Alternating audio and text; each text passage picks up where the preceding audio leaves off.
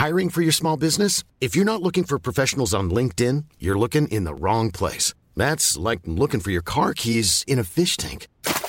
LinkedIn helps you hire professionals you can't find anywhere else, even those who aren't actively searching for a new job but might be open to the perfect role. In a given month, over 70% of LinkedIn users don't even visit other leading job sites. So start looking in the right place. With LinkedIn, you can hire professionals like a professional. Post your free job on linkedin.com slash people today. Hey, Dave. Yeah, Randy. Since we founded Bombus, we've always said our socks, underwear, and T-shirts are super soft. Any new ideas? Maybe sublimely soft. Or disgustingly cozy? Wait, what? I got it. Bombus. Absurdly comfortable essentials for yourself And for those facing homelessness. because one purchased equals one donated. Wow, did we just write an ad? Yes. Bombas. Big comfort for everyone. Go to bombas.com slash ACAST and use code ACAST for 20% off your first purchase. Hey there, it's Michelle Norris. I'm host of a podcast called Your Mama's Kitchen. When I travel, I'm usually looking for a way to find a taste of home when I'm not at home. And one of the things I love to do when I am at home is entertain. And Airbnb allows me to do that. When I was in California recently, I rented a house that had a great kitchen. And when we were sitting around the table, we're all thinking, we're in someone else's house. Someone could be in all of our homes as well.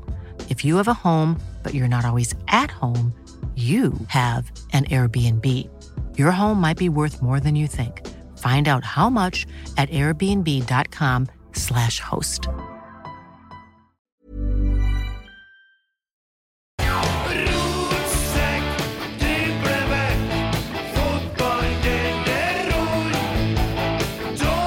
Jeg orker ikke høre mer Åge Aleksandersen, nå vil jeg høre Alex Larsen. Hei! Hei, hei. I studio i dag, Alex Larsen, Yeah! Christer Nesse Hei. og Tommy. Velkommen til en ny episode av Rotsekk. Jo, takk. Ja. Kan du trykke på den knappen der? Å ja, det er sånn at du får problemer. Ja.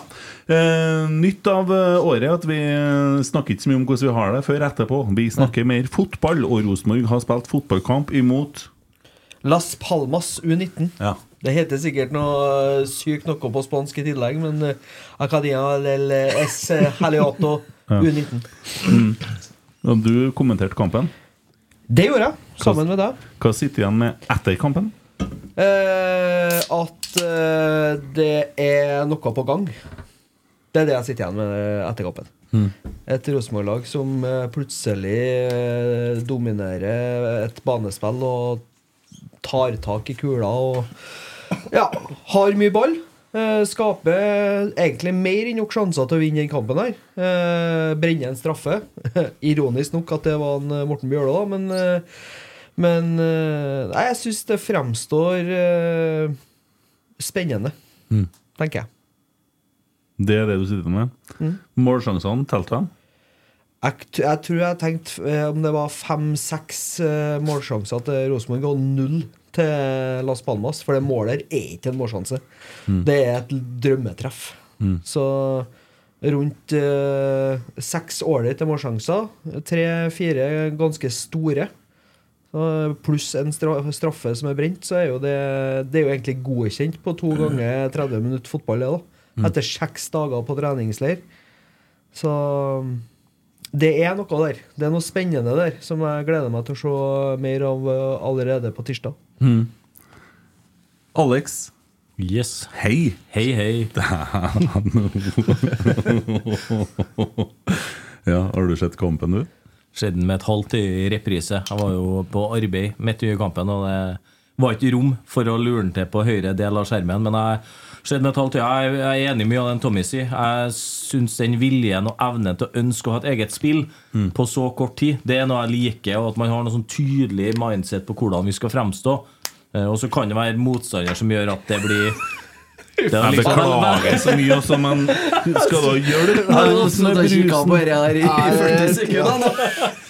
Han, han, Tommy var nødt til å slite av en plastikkring til flaska. Er Beklager så mye. Velkommen, velkommen inn i Rotsekks tekniske hjerte. Tolkedotten på venstre kant. Men eh, ja. Nei, så jeg, jeg liker jo det at vi evner å, å ha et grunnspill. Se på Ole Selnes, hvor han kommer til sin rett. da Han får liksom være mesterhjernen og presisjonsprikkeren Ole Selnes. Hadde han en feilpassing i løpet av hele kampen? Det tror jeg pinadø ikke. Ja, så Det som er kampen her, da, det er jo at vi bytter jo veldig mange spillere i pausen. Det er 30 ganger 30 minutter. Ole spiller andreomgangen. Uh, jeg jeg syns han Nå ser det bedre ut. Ole. Men det er U19-lag, så hvordan skal man måle det? Men så samtidig er det med et par Men det er uke én etter oppkjøringa. Så det, er det er jo gode spillere. De er jo i en eh, La Liga-klubb. Det er jo ikke akkurat noe sånn eh, nederst i ferskvarehylla. Kan jo nevne at han ene spilleren der Han er jo henta enten på lån eller om han er kjøpt fra Barcelona nettopp, da. Så det er jo ikke akkurat uh, Og han som skårer, er vel 5-26 år og har vel vært med et kvarter før. 100, 100 kamper i La Liga. Så Og landslagsspiller på Mexico. Ja. ja, det er han Araujo som kommer fra Barca. Ja. ja, ja. Nei, så det, men det er jo artig å se. Og så synes jeg det blir Jeg vet ikke hvor mye du har fulgt med på akkurat det som en eh, Alfred snakker om, hvordan vi spiller. Altså hvordan vi skal bevege oss. Nå sto vi jo med to midtstoppere, og så står vi med en tredje midtstopper som back. I dette tilfellet så var det Ulrik Utegård Jensen og Mikkel Seid i andre omgangen. Og når vi angriper, da, så går høyrebacken helt opp, og så står vi igjen med tre mann. Ja, men det, hvis man tenker litt hvordan vi var i, under en Hamré nå, så er det ikke så ulikt. For vi hadde vanvittig høye bekker. Både Dorsin og Lustigo er, er mye høyere opp enn de bekkene i dag. Og det, det glemmer vi litt når vi, når vi snakker om det. Så, så det er ikke så ulikt. Og så vil han jo ha mye mer ettertrykk. Han vil at begge løperne skal komme mye mer inn i boks og vil ha det ettertrykket. At vi er fire-fem mann i boks hele tida. Og det ser du at tenderer til at back skal komme høyt. Du skal få dobling. Eh, Jeg savner kanskje enda mer tydelighet på at Kant gjør en tydelig innoverbevegelse, frigjør mer plass på utsida for å få den, den doblinga. Ja, det var mer tydelig det på høyresida, egentlig. Ja. For at en Broholm trekker inn som en tier, og så Yes. kommer eh, eh, Sunde Duran på ytteren. Eh, det savner jeg litt i andre gangen. Adam Andersson han har jo ikke fått opp dreggen fra i fjor. Den lå jo igjen egentlig på midtsirkelen. Han eh, Det som er litt synd med han, da, det er at eh, det virker som det er noe selvtillit der som er litt fraværende. For at han står Altså, han er vendt passivt, da. Det ser ut som at han har mest lyst til å springe hjemover. Ja, men jeg tror han kommer til å slite altså, i det systemet her. Han er ikke en spiller som passer det, den eh, Være sånn autostrada-back. Sånn som eh, hvis Og så spørs det skal de snu på det. Skal de kjøre motsatt variant eh, med at du skal ha en venstreback, kanskje? Kan bli mer aktuelt med Pereira, vet ikke. Men du, du må ha dobling på begge sider, ellers så blir det så forutsigbart at du flytter bare motpresset, og så Ja, ja. blir du så sårbar. Da legger de jo sin kontringsspiller der vi er tømme, da, så Ja. blir vi så sårbare igjen. Så jeg tror nok vi må evne å variere på begge sidene. Og, og, vi, og hvis Vingen, sånn som er Broholm, han er flink til å starte inn. Han kan enten starte mellom back og stopper, han kan starte mellom begge stopperne. Han kan forvirre spiss, og broren kan gjøre kryssløp og lage masse kødd og uro. Blir mye vanskeligere å plukke oss opp i det defensive for motspillerne enn det jeg syns vi klarte å gjøre under en eh, Molly, i hvert fall, siste halvåret. Og fordelen med, med å få en Broholm med en sånn rolle, er jo det at eh, han trenger ikke være indreløper for å bli rettvendt med ball og true målet. For det er jo der han er desidert best. Det drivet han har, og det å finne åpningene, finne eh, løsningene, og ikke minst eh, avslutningskrafta. Selv om han ikke fikk vist det nå, så sier han jo det at eh, det er jo først i april at det er viktig å skåre. To, to ting som jeg merka meg, og det jeg har sett, så er det at det ser ut som at vi har et godt På vei til å bli et brukbart innarbeid og et presspill. Det var ganske tydelig rollene i det Altså, henger det jo ikke helt sammen ennå, men det var det tydeligste presspillet det har skjedd i Rosenborg på eh, gud vet hvor lenge.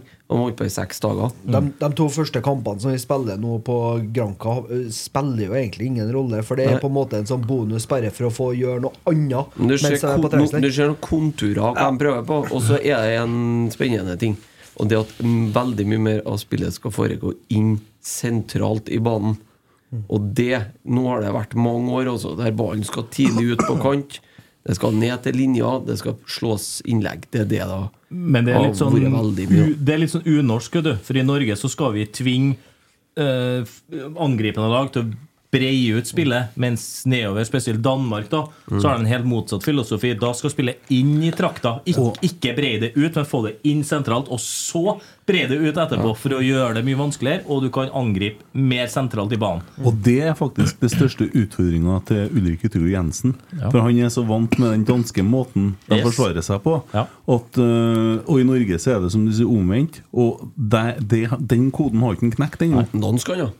Ja, altså, han, er, han er i hvert fall en bra dansk Yeah. forsvarer. Eh, Det kan jo meg godt si. Men, men, men dere er et poeng, da. Fordi Ja. at det er helt motsatt måte å, å skal låse av på. Mm. Og dere er noe som du er nødt til å tilvenne deg. og sånne ting Hareide prata en del om det der, vet du. Om at beholde ballen i sentral for så å gå ut, men klarte aldri å, sette det til liv. Han sa ikke at det er dem han skulle si til. Nei, han sa sa til oss. ja. Hjelper jo faen ikke.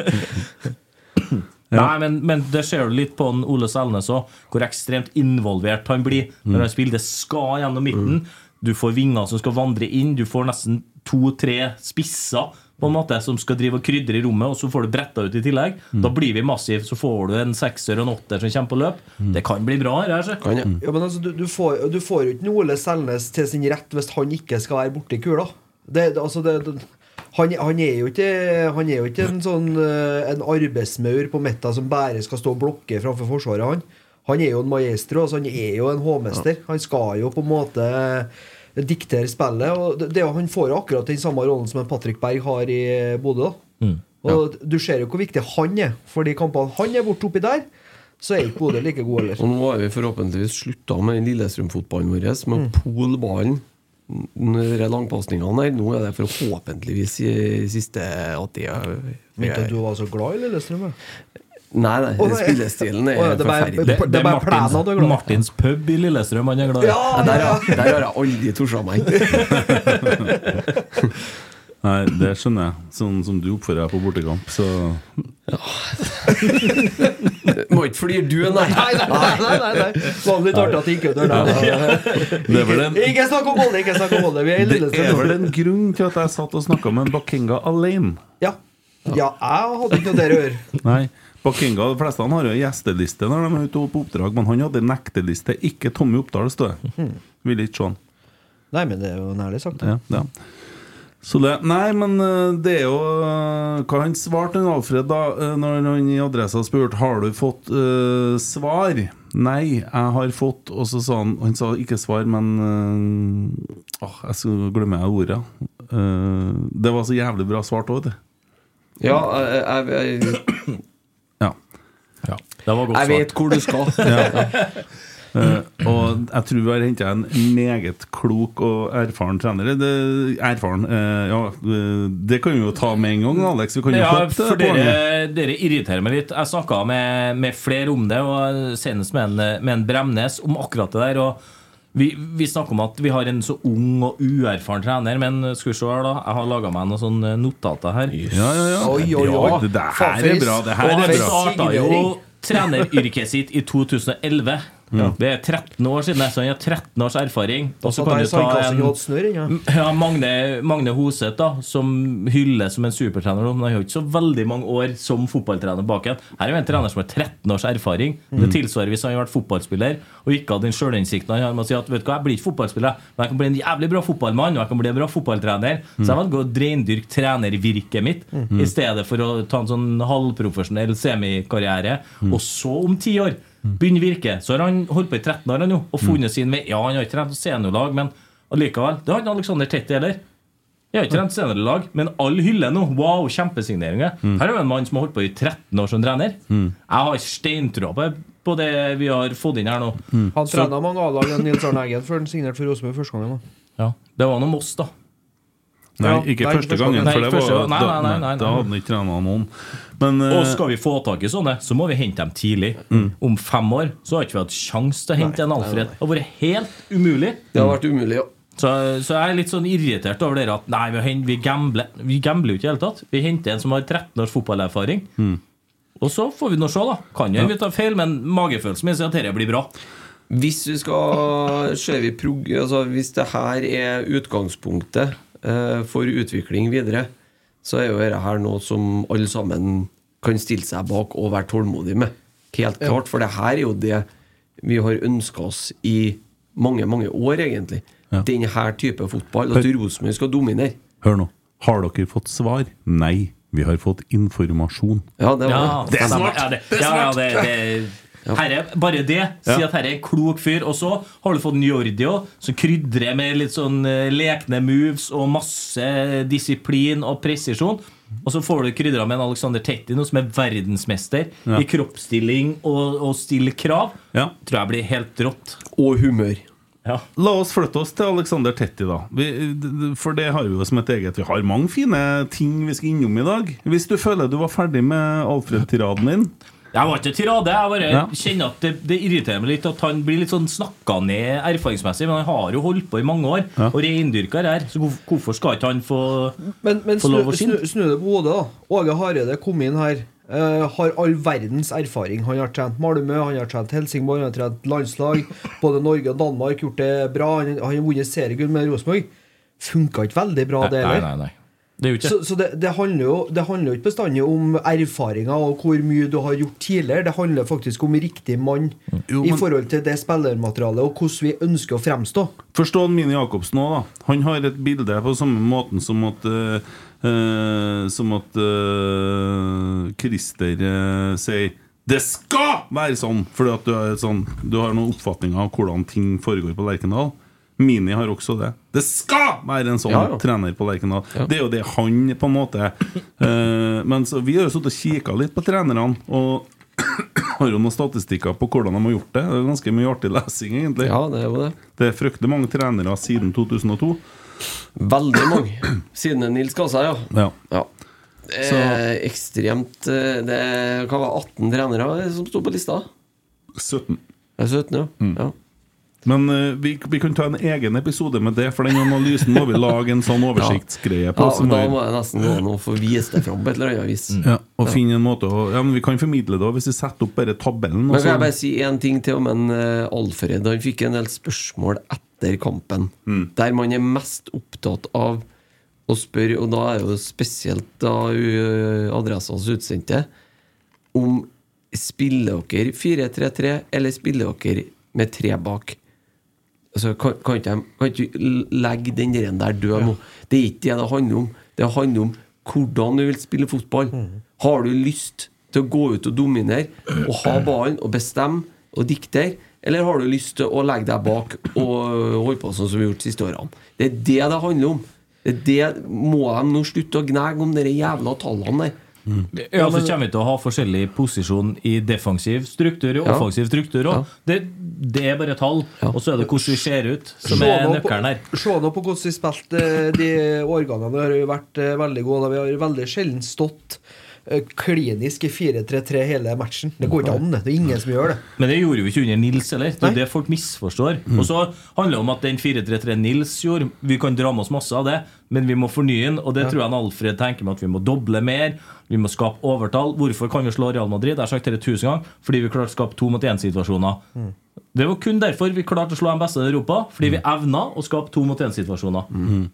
Eh, kommer inn en melding her fra Emil Eide Eriksen, som ligger hjemme i fosterstilling foran ei bøtt. Uh, Larsen har allerede levert mer fotballfaglig enn hva jeg gjorde i hele 2023. Ja, det er jeg veldig enig i, men jeg er villig til å legge på 22 og 21 der òg. Hem, hem, hem!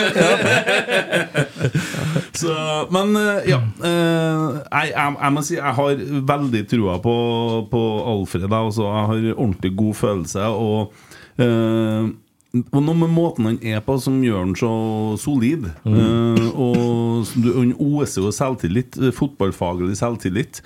Uh, og så er han i tillegg, merker jeg uh, Han får jo være med på en del forskjellige ting. Uh, mediekjør, uh, både hissen og pisten leverer jo like godt hver eneste gang.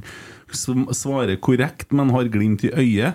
Virker veldig omgjengelig, men eh, jeg tror han er en ekstremt fotballnerd. da Og det Dere skal bli spennende å følge med på etter hvert, for det der er en slitasje han ikke er vant til. Mm. Det er er det- mediekjøret som er konstant. Og så er det en annen ting jeg reagerer Som jeg tenker på For det blir, det blir snakka vi i større grad Altså Han har ansvar for å få det han har tilgjengelig til å fungere Og det er helt sånn tydelig og så er det noen andre som har ansvaret da, for å skaffe til veie det han trenger.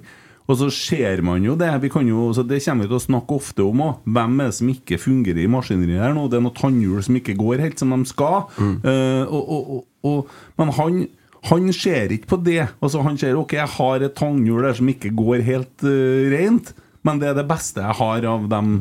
Så, og så, så um, jeg tror han uh, får til å makse mest ut av hver enkelt uh, i den spillergruppa. Ja, og enhver idiot klarer å se hva som ikke fungerer. Det handler om å se hva skal vi gjøre for å få det til å fungere. Og det tror jeg han er mannen, han med Jordi og Alex og hele gruppa nå. Det virker som en sånn sult og glød som i hvert fall smitter over på meg. Og syns jeg deilig. Vi sitter her i januar, og vi har trua igjen. For to måneder siden satt vi helt i kjelleren og tenkte Ja, ja. bare Vi vil nesten begynne hete på noen andre. Ja, vi lå og sov i hver sin sofa. Og så kommer vi nå noen uker inn allerede, og da er vi full blodtenning. Og ja, det er litt godt. Ja, Det er litt artig å høre at uh, treningsrapportene den første uka, så er det vel den gjengangeren som er best på feltet, Markus Henriksen, som indreløper. Det er jo um, Vi var jo litt skeptiske til sånn tempomessig og sånne ting, vi om det, men han leverer jo tydeligvis på trening, da, men eh, Ingenting det som er tidlig. gleda, ingenting Fortsatt. som har gleda mer om, om han har fått eh, Om han har blomstra i det nye systemet. Altså Det er flere der som ønsker seg det, men eh, det er klart at det jo, da får han jo henta hjem en for en grunn. da Ja. At han ikke bare er flytta om, men at han faktisk blir brukt der han kanskje er best. da ja, enig. Herlig. Uh, Det var vel en Alex Tetti, egentlig. ja.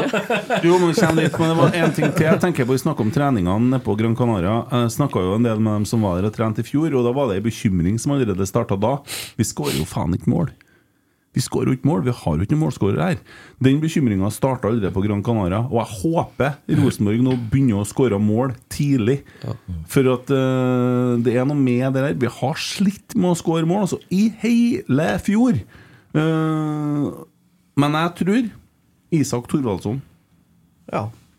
Jeg godt. tror Og det, Emil Fredriksen. Ja. ja.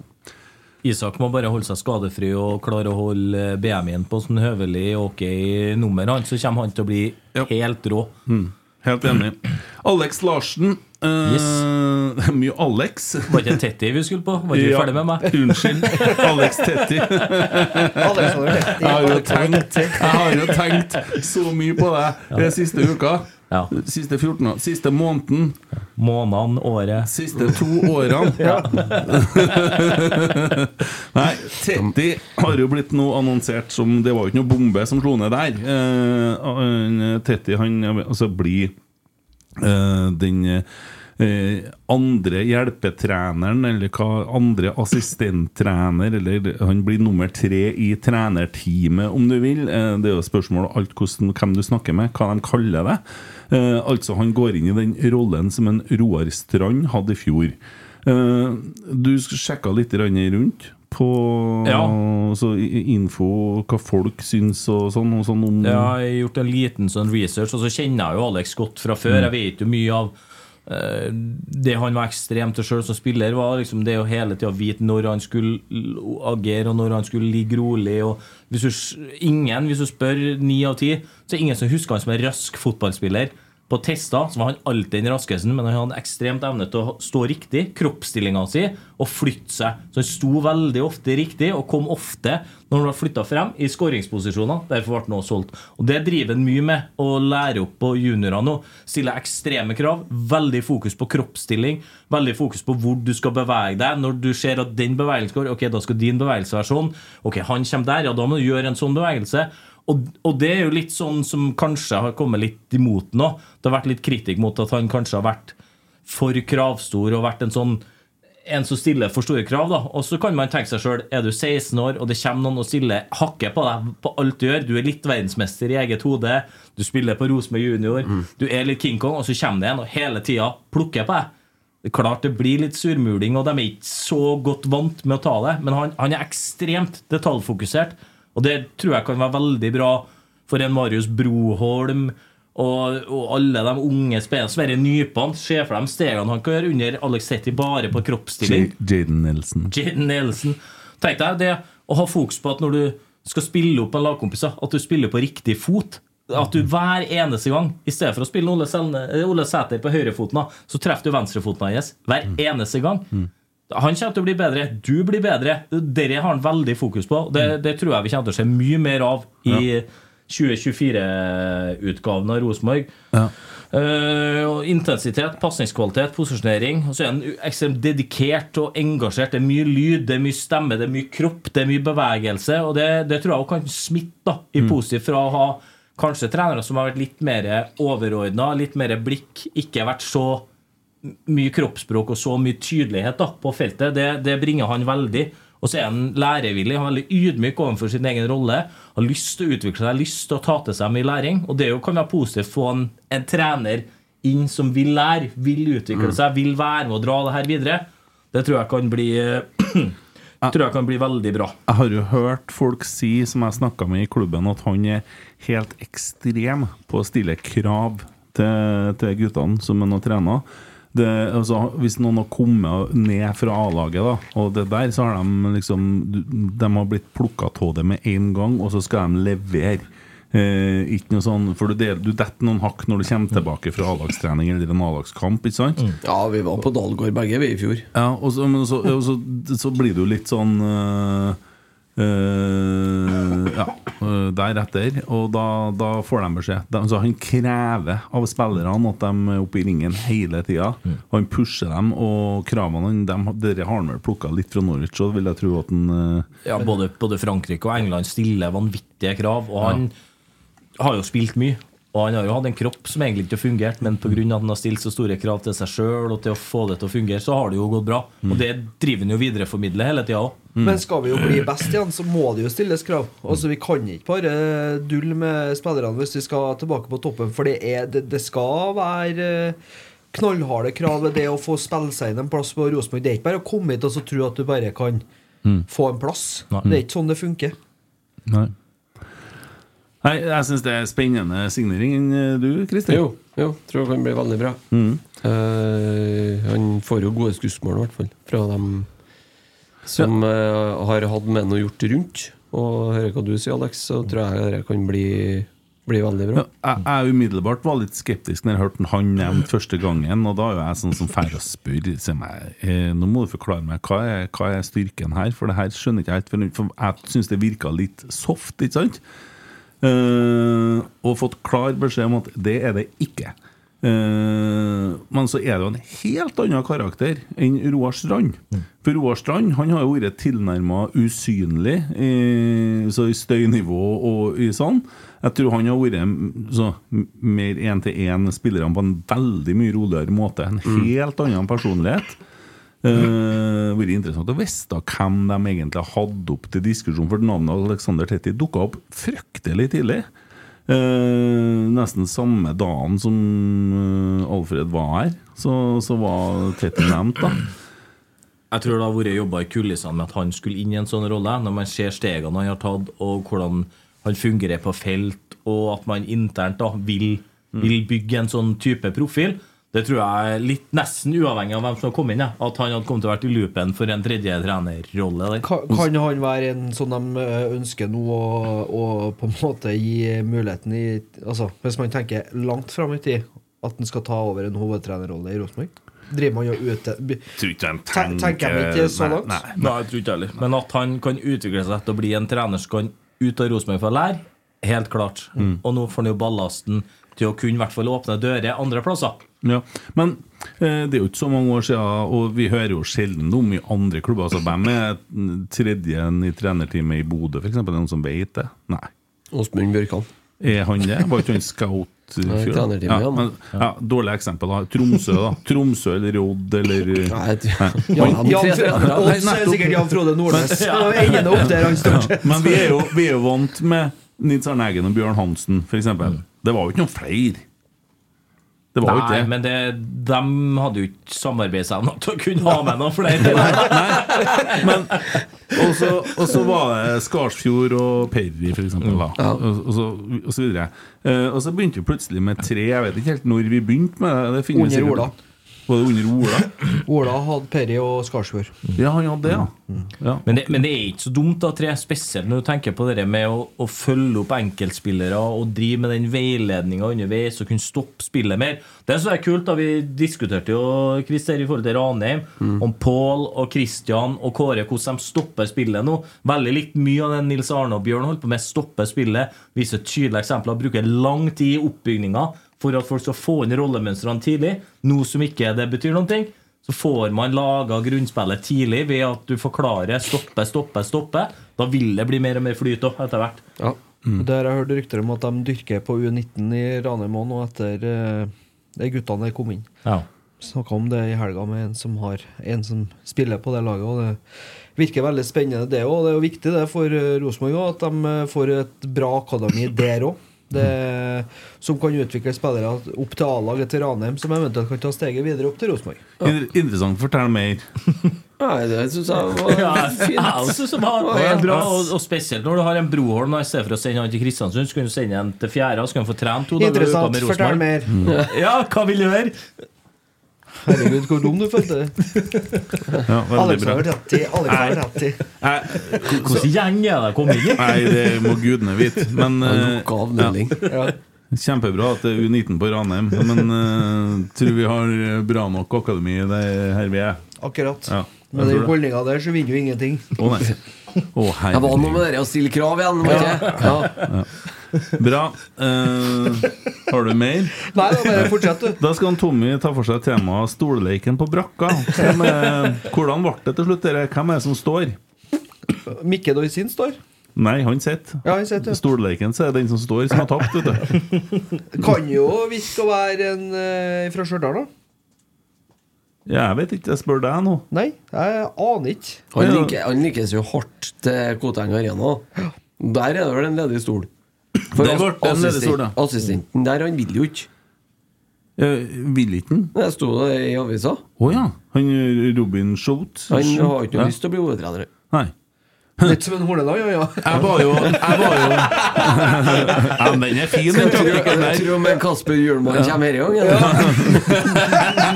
Vi brant òg. Nå får han Kåre. Nei! Nei! Ja, men vi forlenger med deg. Nei! Ja, ok, da. Det er tjent mye penger på den eieren sin, han. Ja. Nei, men eh, jeg var jo ganske hard forrige søndag på at jeg spådde Vi satt med resonnementet. Vi har, eh, som jeg analysert, fire trenere som er aktuelle hvis vi har en intern løsning. Uh, bort på Lade, for å ta det. Og det, det er en Svein Roar Vikvang, eh, han Robin der, og i dag i team med han sportslige lederen på eh, Mats. Ja. Ja. Og hvem var det siste jeg sa, da? Vi hadde en trener til, fant jeg ut. Ja, det var jo Ja, det var jo Naustdal, da. Det er Roger Naustdal. Ja. Eh, og så er det liksom eh, Hva er sannsynligheten for det og det og det? Jeg, det for jeg ser ikke for meg at en Roar eller en Trond drar dit. Jeg ser ikke for meg at en Svein gjør det, fordi at uh, begynner å trene damelag, så er det litt langt tilbake til herrelag. Og Svein har jo trent damelag. Han starta reisen sin med damelag. Kattem, han. Ja, ja. Fikk dem opp i Eliteserien og Men eh, når jeg har sagt det, så sier Janne Jønsson 'hold my beer'. Og så kommer han og trener damelaget på Stabæk nå. Snodig greie. Ja, men jo Stabæk med han, vet du. Ja. Kan det bli Svein, da? Vet ikke. Nei, jeg Svein- inntrykket mitt var at Svein Målen var litt eh, klar for eh, egentlig å finne kontorstolen sin igjen på, på Svein vil- vil- i akademia. ja. Nei, hun sier jo nei. Men det, det virker jo, uten at jeg snakker med Svein, men på det han har uttalt nå, som at han er sulten på å være med og bidra. da Og det er viktig, for vi kan ikke ha et sånn daukjøtt som egentlig vil være hovedtrener, og som ikke vil bidra. Det funker ikke. Men det virker som at han vil være i akademiet. Jeg tror han har kommet til å melde seg på nå. Ja, det, er, han. Ja. Og det, det er en veldig rar situasjon i Rosenborg. For at du har tre stykker som har trena A-laget, som nå er på brakka. Uh, som Ja, trena A-laget sist. Det som er interessant, er at ifølge styreleder så skal man jo gå for intern løsning. Ja. Og da er det jo Det er jo begrensa hvor mange, hvor mange du kan velge Ja, mellom. hvis han første interne har sagt nei, da, Ja, for at han vil være assistent, så er det jo Da, da begynner det å bli kort liste. Ja, det er jo det. Bladda i gulappen de har hengt på skjermen. Ja, nei da, men eh, det er nå i hvert fall uh, kommet i mål med storleiken, tror jeg. Så får vi nå vel etter hvert vite hvem det er som står, da. Uh, om noen har mista jobben sin eller blitt flytta hit og dit og sånne ting. Så Men det er artig å se at de, skal kjøre, at de kjører litt lange og gode prosesser på damesida nå. Det er copy-paste i det intervjuene om det laget òg. Det er liksom det samme hver gang vi skal hente trener nå. Det er lange, gode prosesser. Det er favorittordene. ja. Du ble fryktelig forkjøla når du er på tur, eller? Ja. ja.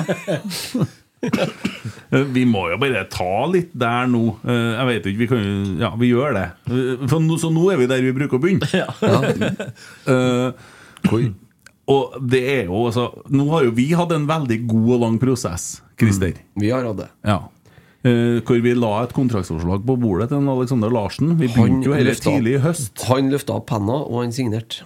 Ja, til slutt. Ja, Ja, vi var i noen gode samtaler gjennom jula. Ja, jeg hadde jo med agenten min Jeg er jo misfornøyd med at jeg fikk en ettårskontrakt, bare, men jeg vet jo at Rotsekk ikke signerer folk over 30 på mer enn ett år. Ja. Blant Tommy Oppdal og Ja. Christer Nesse og Emil Almåsson, som fikk flere år. Men, men se bort ifra det, da, så syns jeg det var tungt å bare få ett år. Så det var jo det som Vi eh, lever på nåde, vi òg. Og så da legger vi planer. Som en god medieavdeling så har jo vi det òg. og, og planene var at vi tar det her nitallet og snur det til et sekstall, opptatt. Eh, og så lager vi en presentasjonsvideo. I det vi har begynt å planlagt den presentasjonsvideoen, så går det ikke så lang tid før eh, noen andre kommer med en presentasjonsvideo av en spiller i en pod. Så tenker jeg faen! Eh, Men vi kjører på. Vi gjør det, følger plan. Og når vi publiserer nummer seks opptatt, så blir nå Alexander 30 annonsert som tredje trener i Rosenborg en time etterpå. Da var det mye rart. Hvor får dere informasjonen fra? Dere er jo før media. Ja, ja, ja. Åh, det var artig. Da sto jeg på ski nede i Sjusjøen der Ja, da, ringte, da kokte det litt på telefonen. Eh, men vi hadde jo planlagt da eh, den her veldig eh, fine videoen der Alex ble avslørt etter hvert. Jeg synes det var bra han ene som kommenterte. Jeg så etter 0,1 sekund at dette ikke var en proffspiller! jeg så var en som frykta at det var litt lite fart i rotsekken. Det var bra tyngde, men lite fart. Eh, Men så er jo vi godhjerta, vi i Rotsekk. Vi vi har jo eh, tenkt at med den prestasjonen, så det hører jo med en Oscar. Ja. Ja, det gjør jo det, for det, der leverer jo ikke minst i intervjuet. Men tusen hjertelig takk, Erik Grønning, for et fantastisk Ja, godt intervju. tusen takk for hjelpa. Ja, det var rått. Ja. eh, Og takk til Rosenborg for eh, velvillig åpning av Lerkendal, og ikke minst medierom. Det var kult når vi kom gående. da Du i Rosenborg-jakke og klær, Grønning inn på brakka, hente ut seg, og jeg går i fotballsko. Folk sitter på Scandic der oppe. Glane, nå kjenner signering til Nå går det dårlig! Nå har de begge! Der er du, midtstopperen vår! Dere må være til gå-fotballaget, Ja, ja. Vi skulle ha en midtstopper med fart. Og det er dere dere leverer. Ja. Nei, det, det var artig etter reaksjoner fra jeg som satt og kikka opp på eh, Men, eh, frokosten sin der. Men eh, det er noe æres, den som æresbør her. Ja. Er det noe sånt? ja. For eh, apropos Ja, for det er en Oscar. Ja. Og da er det jo gjerne en pris. Det er en pris. Og vi, vi fikk ikke tak i Oscar-statuett, så vi fant tak i en, eh, en jævel som heter Oscar. Ja, Og det det skal jeg ta den fram her, artig for dem som ser på Nidaros, da.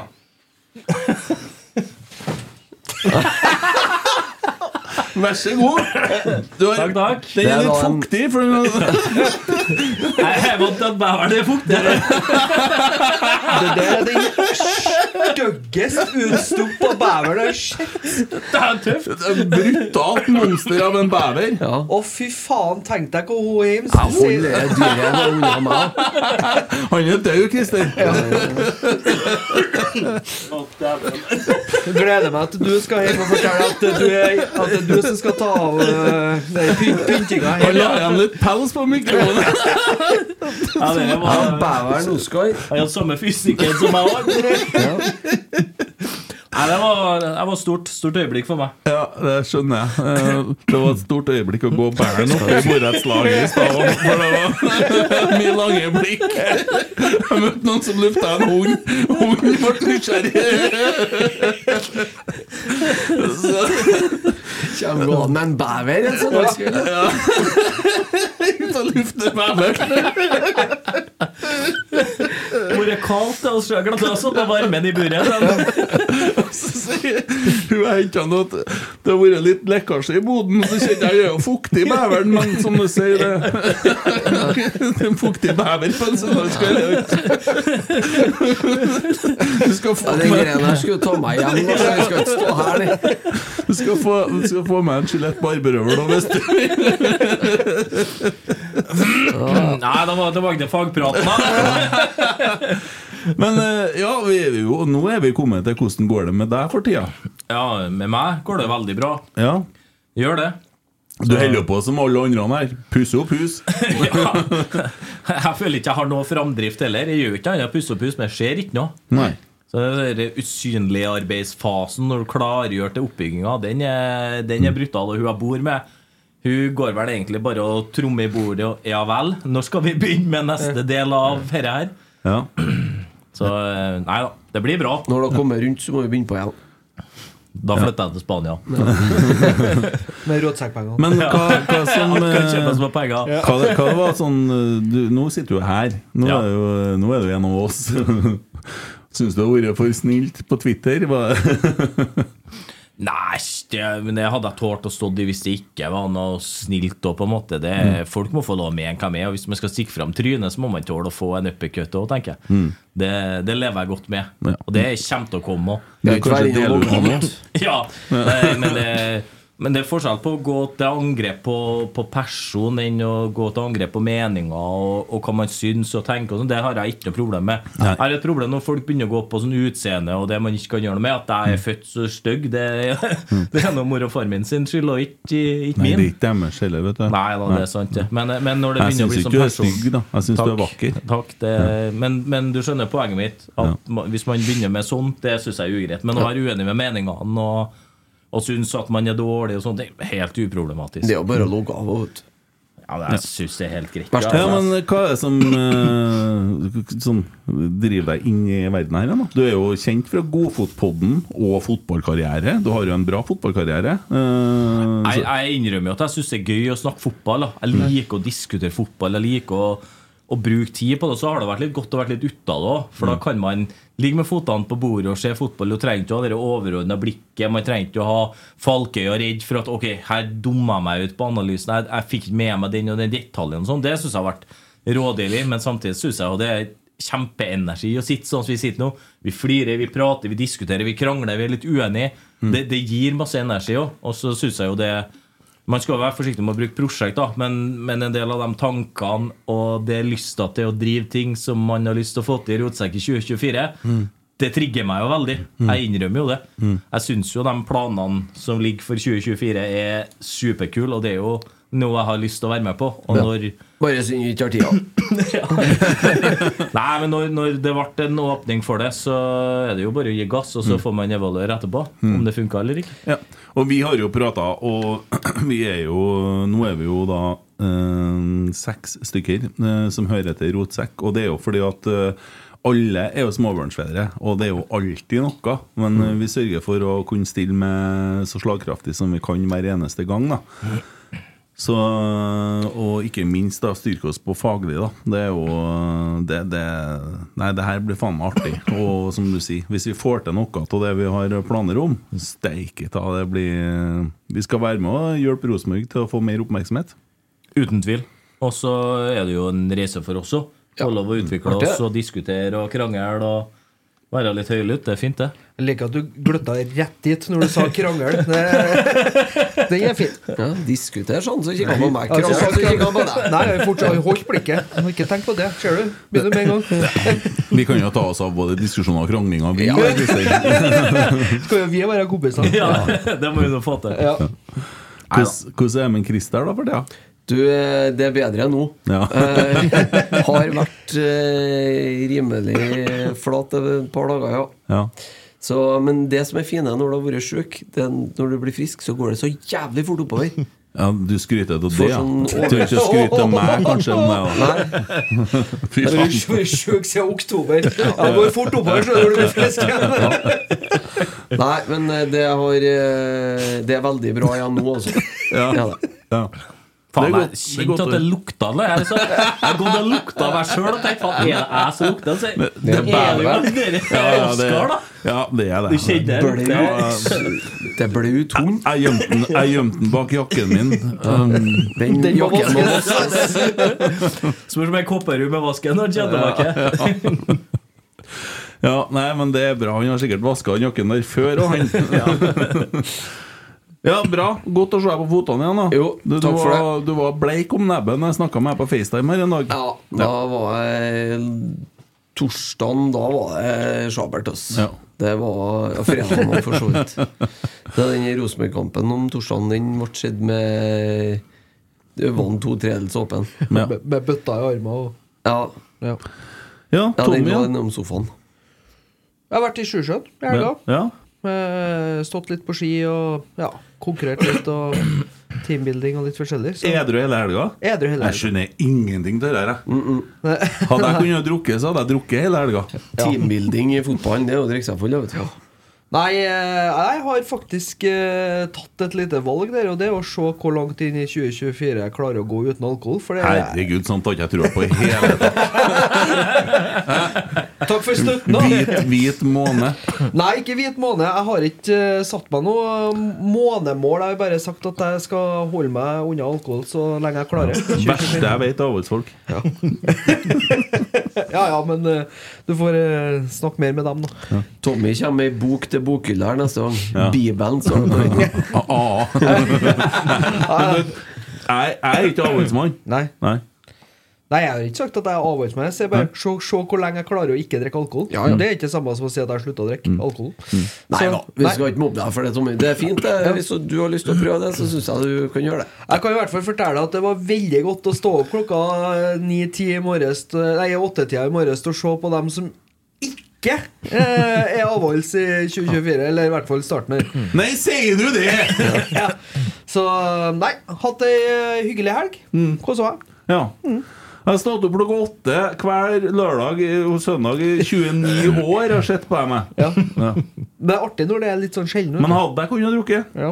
Det er det kan. Nei, jeg kan jo ikke. Jeg er jo, jeg er jo allergisk mot det. Ja. Jeg tror jeg er allergisk mot det beveren der òg. Nei, så kjempehelg. Eh, så også- Godt å høre. Ja. Ja. Inn du, da, Kent. Takk, Tommy. Nei, altså Du vet, så lenge siden i blikket mitt dette ja. Eh, Nei, jeg har jo ferdig med dassbot du, du, du, du, du, du. Sant? Og, og har kommet til at jeg går og venter på nye episoder. Det kommer to nye i morgen. Jeg gleder meg. Det der er faen meg bra. Altså, Men- det er ikke ferdig. Nei, nei, nei, nei, nei, nei. Det er sesong fire som er i gang å rulle opp nå. Men så jeg begynte å se Spartakus i stedet, da. Eh, mens jeg venter. Det er herlig, altså. Satan, det er brutalt. Så eh, nå kjører jeg en ny runde med Spartakus da, og koser meg med det. I morges sto opp litt tidlig. Det her er vakkert. Det her er virkelig vakkert. Jeg holder på å bli frisk. Det har tatt to måneder. Det har tatt to måneder. Hjemme så er kona og dattera dårlig. Hovne mandler, feber, halsbetennelsesting. Så kommer jeg på stua og drakk akkurat opp kaffen min. Jeg starter alltid med en te og kabal, det vet du. Ja. Te og kabal om morgenen. Te. Te, ja. ja, ja. Sånn te som jeg bruker. Jeg å si det. Som vi, vi bruker. Og så, Nei, det er på fatet, det. og så legger jeg kabalen. Når jeg er ferdig med den, så går jeg og henter meg en kopp kaffe. Sant? Men jeg var på dass mellom teen og kaffen. Da drikker jeg opp kaffen, så sier jeg Drakk du til den koppen der? Ja, eh, det er jo koppen min. Jeg har trua på bare én kopp. Jeg. Prøver å bruke én kopp så mye som mulig. Minst mulig oppvask. Økonomisk, det. Nei, for at hun er dårlig. Så hun hadde sittet i sofaen, og så hadde hun fått Nei, nei, Den hadde, den hadde hun lagt i koppen. Yes! Den er fin, sjø! er dere fotballfaglige, da? Og jeg, altså, det første som slo meg Ja, nå drakk jeg nettopp. Sykdom. sykdom. Ja, nå blir du sjuk igjen. Hvis jeg blir dårlig nå Åh. Og det er så heslig! Det er så heslig! At jeg klarte ikke å liksom for hun Sånn. Jeg klarte ikke. Jeg bare Å, fy faen. Ja. Men du fikk ikke sånn Du fikk ikke automatisk vondt i halsen med en gang? For Nei. det har jo en tendens til å bli det. Du, Jeg ble du- så sur. Og jeg har slengt så mye dritkommentarer utover dagen. Ja, ja. Ja, Det blir jo bare stilt, sant? Ja. Men hun flirer. Det skal hun ha. Ja, ja. Det er jo god humor, sikkert. Bra humor. Ja. Til med Alex sa ut her nå. Ja, det ble for mye for meg. Nå ble jeg for usaklig. Mot. Men eh, det går bra. Og i morgen så skal jeg begynne å jogge igjen. Og jeg går tilbake til det treningsprogrammet jeg begynte med i fjor. Jeg går helt tilbake til null. Jeg tør ikke noe. Men jeg må bare komme i gang. smart, det. Du Ja. var jækla flink i fjor. Jeg husker jeg møtte deg i rundkjøringa noen gang. Ja, ja, ja. Og da hadde du, var du så målretta at du hadde Ja. ikke tid til å stoppe eller noe. Løfta på petsetet. Jeg er snart ferdig, og så gikk du videre. Jeg er snart ferdig. Jeg tør ikke stoppe, for jeg Nei. stilner. Ja, ja, var, jeg var imp råimponert. Det er bra fart. Da Da, hadde jeg nesten sprunget ti kilometer. jeg møtte jeg. Ja. det var imponerende. Men hvis du stopper, da Da er det game Da bør du over. holde an på å stoppe etterpå. Jepp. Ja, det skjer noe, Lars. Nei da, så det er greit, ja. Nei, så ellers har jeg det bra, da. Men jeg har ikke kommet meg helt etter den derre um, greia, altså. Har ikke det. Har ikke det. Ja, bra. Jeg angrer på at jeg fortalte det der. Det ble ikke så artig som jeg så for meg inni hodet mitt. Hvor er Emil Eide Eriksen når jeg trenger han som hest? Ja. Han hadde uh, Han hadde sittet og flira med rasmalatteren sin. Har ligget her? Jeg beklager at jeg ikke lå her. Ja. Yes, Rosenborg har kjørt ut en sånn uh, bookbeat-kampanje. har dere fått med dere det? Nei. Jeg har ikke annet enn en screenshot fra dere. Ja. uh, skal fortelle deg litt om hva det er. Det er han godeste Evensen, Andreas Evensen, som har gjort en veldig god jobb. snedig for Rosenborg. Eh, der kan du abonnere på dere Bookbeat. Da får du lydbok for dem som hører på det. Gratis i 90 dager. Legg legge inn sånn type nivå hvor mye du bruker å høre lydbok. Der ligger Godfotpodden. Og det vet du at han De to første kapitlene God- God- Nei, Godfotboka, ja. Unnskyld. Godfotboka. Ja, det der jeg drakk i morges. som- Ja, jeg, ja. jeg skjønner. Nils Arne Eggen leser jo to første kapitlene i Ja. Godfoten. Så der har du muligheten til å høre Godfoten. Hvis du ikke liker å lese, så kan du faktisk ordne deg abonnementet der. Og så kan du høre Godfoten. Eh, og det anbefaler vi faktisk alle å gjøre. For Rosenborg de tjener penger for hver eneste en som logger seg inn og gjør det der. Og det er en fin måte å støtte klubben på, eh, med lite ressursbruk for Rosenborg. Men de bruker sitt gode navn og rykte på et samarbeid med en sånn type lydbokgreie. Det heter Bookbeat. Anbefaler alle å ordne seg det. Hører du på lydbok?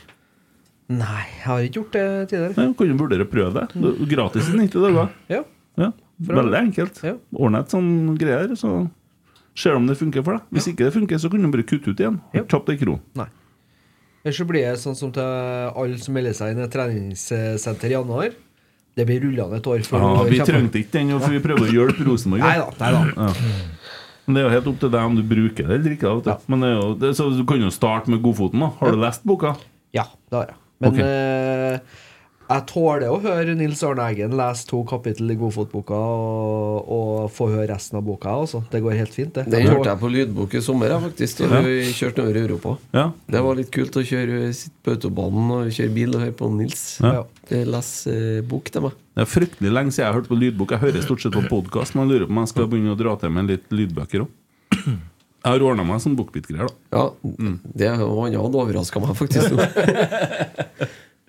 ja. Men du støtter jo klubben, og det er jo bra. Nei, jeg skal gi en, skal gi en sjanse. Og så Ja. får vi høre utover eh, vårpartner hvordan det har gått. Ja, takk. Bra. Send meg en melding når du har gjort det.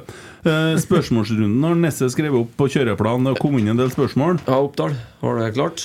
Ja da. Ja. Jeg kan tjuvstarte, for at jeg har fått inn noen på Snap også. Eh, Åsmund fra Leknes i Nordland fylke. Hyggelig med Rosenborg-supportere der. Ja. Veldig. Ja. Veldig. Kan Rosenborg egentlig signere noen? Eller har vi rett og slett sløst bort alt på middelmådige spillere? Om vi da kan signere noen, hvem ville dem være? Og hvem må ut? Forslag! Siste nytt er at eh, det virker som at det må to ut fortsatt. Han sier 23 pluss tre hospitanter, han kodes godeste Mikael Dozhin. Mm. Og nå er det vel 25 som adressa hadde telt opp i saken sin. Jeg kan erfare at Rosenborg jobber for å Tobias Børke ikke er Rosenborg-spiller. Ja, det kan du erfare, ja. Pavel Sjupalla er kanskje inne i ligninga der ennå, Ja, da. han er faktisk det. Ja. Der eh, virker det vel å gå i orden etter hvert. Det, ja. Det trekker ut i tid. Men det, er sånn er det når du forhandler med klubber i andre nasjoner. Jeg tenkte jeg skulle komme en, tenkte jeg skulle komme en drøyere en. Eh, nei, men de to er vel naturlige, da. Ja. Jeg tror vel at uh, Agon Sadiku kanskje òg Men han betalte ganske bra for. Han har sikkert ei Det blir i hvert fall en stygg smell i regnskapet, for å si det sånn. Ja. Det blir nok det. Og så er Bjørlo-saken fortsatt uavklart, da. Ja.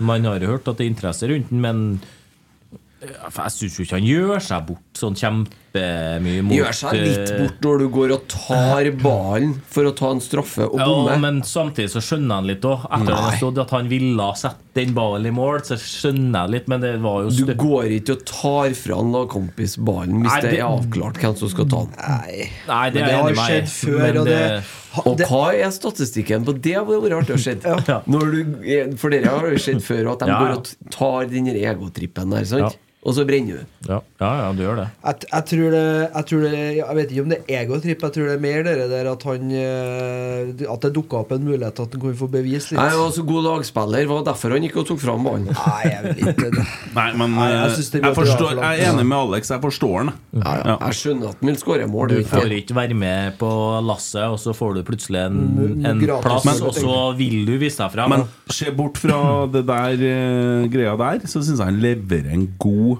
omgang som han spiller. Altså, han bidrar, og han eh, gjør det han skal, og vel så det. Eh, så roter han seg litt bort mot slutten. Jeg syns den starter bedre enn han avslutter, men jeg Ja. syns den er god. Og så skal han videre. Det er jeg ganske sikker på. Ja, jeg, jeg tror Ole det er. Sagbakken meldte at Vålerenga var interessert i den. Ja. Mm. Jeg har- Jeg har òg hørt de ryktene, men det er for tidlig å si Ja. ennå. Ja, Men han forsvinner. Men å, å ta Ja, med ikke, hvis, ikke hvis han fungerer og, og presterer bra, og, og det ligger an til at han funker godt i det systemet vi skal spille. Da skjønner jeg ikke hvorfor vi skal sende for Nei, men litt bare sånn helt logisk, da, Tommy. Eh, nå er det én høvding på sport i Rosenborg. Han har bestemt seg for at Morten Bjørlo ikke skal være Rosenborg-spiller. Mm. Derfor fikk ikke han lov å være med til Granca, egentlig. Han blir solgt. Jo, men 100 inn sikkert. hvis han så, treneren som har henta, kommer inn på kontoret og sier Ja, ja. det, det er noe her. Ja, ja, Ja. Men da skal Men da må Du kan ikke, det, det er ikke svart eller hvitt. Nei, Men, men, men ærlig nå talt snakker vi om hvem vi tror, da. Ja, det er Jeg legger ganske mye i potten på at han blir solgt. Altså. Ja. Sånn I forhold til hva alt tyder på, så er jeg enig med deg. Men så hva jeg synes sjøl, så syns ikke han er nødvendigvis noen dårligere indreløper enn f.eks. Kola og Skarsheim. Nei, det kan jeg være enig i. Ja. Han- Jeg ville mye heller ha solgt Edvard Tagseth enn å solgt Morten Bjølo. For eksempel. For de er sånn cirka på samme nivå. Ja. Men jeg, men jeg syns det er synd på Nedvard, da, for han blir jo sjøfla rundt. Og Ja, ja. Det, det er klart det er vanskelig for han å få prestert òg. Og så er det ikke sikkert at nivået er høyere enn det han viser, heller. Men, men å skal aldri vite hvor du skal spille og bli rotert rundt, og det, det er klart det er utfordrende. Samtidig så syns jeg det er vanskelig å skal gå inn i en sesong der du skal gi mulighet til en som ikke vil skrive under ny kontrakt. Også. Ja, og Det er jo et argument for å kvitte seg med nå, når han har ett år igjen. Vi faktisk kan få noen småkroner for han. For Hvis ikke så ender vi med at vi må gi bort åtte spillere på slutten av sesongen. Bjørlo har òg kontrakt på ut året her. Ja, men du, jeg tror nok salgsverdien for Bjørlo er lavere enn den er for den, eh, Tagseth. Fordi at han er jo han er også eldre, da. Så, ja. Enig i det. Ja. Eh, men det er nå greit, eh, og litt vanskelig eh, å No- snakke og Du, Noah? du liker jo egentlig ikke å snakke om det der. du. Nei, jeg gjør ikke det, fordi at eh, det er en så vanskelig balansegang. Ja, For at, ja, jeg eh, ja, men vi snakker om hva vi tror og hva vi hører, og så snakker ikke vi nødvendigvis om hva vi vil. Hi, I'm Daniel, founder of Pretty Litter. Cats and cat owners deserve better than any old fashioned litter. That's why I teamed up with scientists and veterinarians to create Pretty Litter. Its innovative crystal formula has superior odor control and weighs up to 80% less than clay litter. Pretty Litter even monitors health by changing colors to help detect early signs of potential illness. It's the world's smartest kitty litter. Go to prettylitter.com and use code ACAST for 20% off your first order and a free cat toy. Terms and conditions apply. See site for details. Hey, Dave. Yeah, Randy. Since we founded Bombus, we've always said our socks, underwear, and t shirts are super soft. Any new ideas? Maybe sublimely soft. Or disgustingly cozy? Wait, what? I got it. Bombus. Absurdly comfortable essentials for yourself And for those facing homelessness. because one purchased equals one donated. Wow, did we just write an ad? Yes. Bombas. Big comfort for everyone. Go to bombas.com slash ACAST and use code ACAST for 20% off your first purchase. Hey there, it's Michelle Norris. I'm host of a podcast called Your Mama's Kitchen. When I travel, I'm usually looking for a way to find a taste of home when I'm not at home. And one of the things I love to do when I am at home is entertain. And Airbnb allows me to do that. When I was in California recently, I rented a house that had a great kitchen. And when we were sitting around the table, we we're all thinking, we're in someone else's house. Someone could be in all of our homes as well. If you have a home, but you're not always at home, you have an Airbnb. Your home might be worth more than you think. Find out how much at airbnb.com/slash host. Eh, Noah Holm, ja. Eh, han eh, er nok ikke så forsinka i forhold til seriestart. Så er det klart at det er opptrening eh, som kommer her. Men jeg kan si jeg snakka litt med Noah, da, og, og det, Noah har vært langt ned. Uh, Dette var en brutal beskjed å få. Uh, men så er det sånn at det er bedre å få den beskjeden før, før de reiser til Gran Canaria, enn hva å få det 31. mars. Ikke sant? Ja, ja. Helt, Ja, helt ja. Så, og nå kan han jo gjøre en god jobb på gymmen og være mest mulig forberedt til han får slippe fri på gresset. Så det, det er noe med det der. Og jeg mener at Noah må gripe sjansen nå. Nå har han, er- under, nå har han underprestert så lenge. Nå, nå må det stilles noen krav til han. Og hvis ikke han leverer i år, så tenker jeg at da er det takk og farvel. Da er det ikke noe mer å hente ut. Også, men hvis du ser da på så skadefrekvensen til Node Sæter og til Isak Thorvaldsson, eh, så er det klart at eh, det er plass til noe Noah her, altså. Eh, hvis Noah kommer seg på fotene og, og begynner å fungere. Alltid plass til gode fotballspillere, og du Ja. kan rotere på dem på topp der. Og sånn som det ser ut som Alfred vil, så kan du spille med en skeiv treer foran. Og det, det er masse muligheter, Ja, men de er nødt til å prestere òg. Kan ikke bruke dem bare på navn. Da nå er de nødt til å, til å opp av hesten, som Perry sa, og begynne å levere. Jeg er ikke så bekymra for den spissplassen, egentlig. Med de toene vi har nå, så tror jeg at vi skal spille 30 kamper pluss cup i år. Og får jo håpe at det blir mange, da, men uh, Håper at det ikke blir 31. Men, eh, men jeg tror jeg, sånn Da kan en jo på en måte gli litt sånn pent inni det når en kommer tilbake. Ja. Ja. Men uh, la oss snakke om det morsomme delen av spørsmålet i stedet. Eh, hvis Rosenborg nå har penger det, det må vi jo finne, for at, det, vi er jo nødt til å forsterke. Og da særlig ett ledd. Alex Larsen. Ja, vi må ha en midtstopper. Det er pri én, spør du meg. Jeg, eh, vi sa, jeg sa før sendinga, har sagt i flere år, og Sigurd Rostedt Nå må vi få hente hjem en Sigurd Rostedt. God på defensiv dødball, god på offensiv dødball. Litt temposvak, men vi har en Håkon Røsten som kan vokse veldig og få ta det ansvaret. Litt sånn Demidov-Statsgaard-kombinasjon. Statsgaard hadde fart, Demidov hadde eh, duellstyrken og, og pondusen, på en måte. Det tror jeg Rostedt kunne, kunne ha bidratt med. Han har spilt i Brønnby, spilt i Canada nå, han har spilt landskamper, har en ekstrem fysikk. Hvor gammel er han? 30, ikke sant? Akkurat 28. Ja, 28. Ja, ja. Jeg ville ha tippa midt imellom dere. Ja. 28, Men, 29. men han er riktig alder som midtstopper og, og har litt erfaring. Og vi kan ikke bare hente prospects eller noe, vi må ha noen som kan binde opp bak der. Tor er- han var, er på var på samme alder, var ikke det? Han ble 28, hjem? han kom fra Odense, var ikke Ja, han? noe sånt. Mika Koppinen nå, tror jeg. Ja. Og, faktisk. og Rosset er brukbar med ball. Og, og når vi skal frispille nå Vi skal spille trekanter ut på back, vi skal rulle opp back inn på sentral. Ha en som tør å flytte etter, tør å stå. Veldig god til å kommunisere. Mye prat. Bruke kjeft mye. Det trenger vi. En som tar styringa bak der.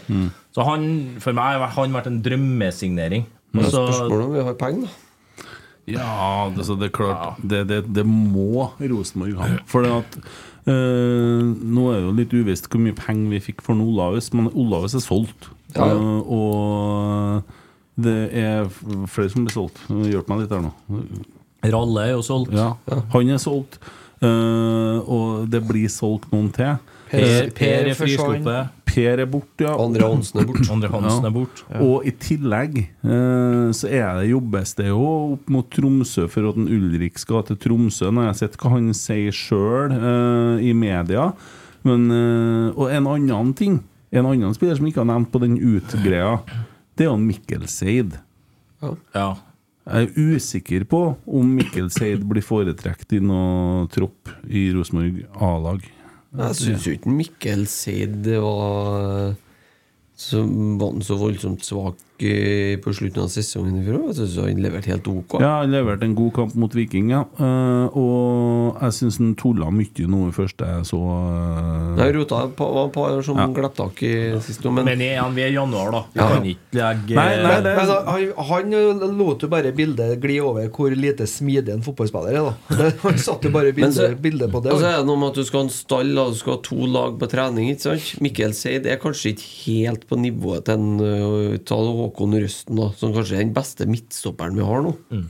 Og, og så er den Mikkel Seid kanskje et hakk under.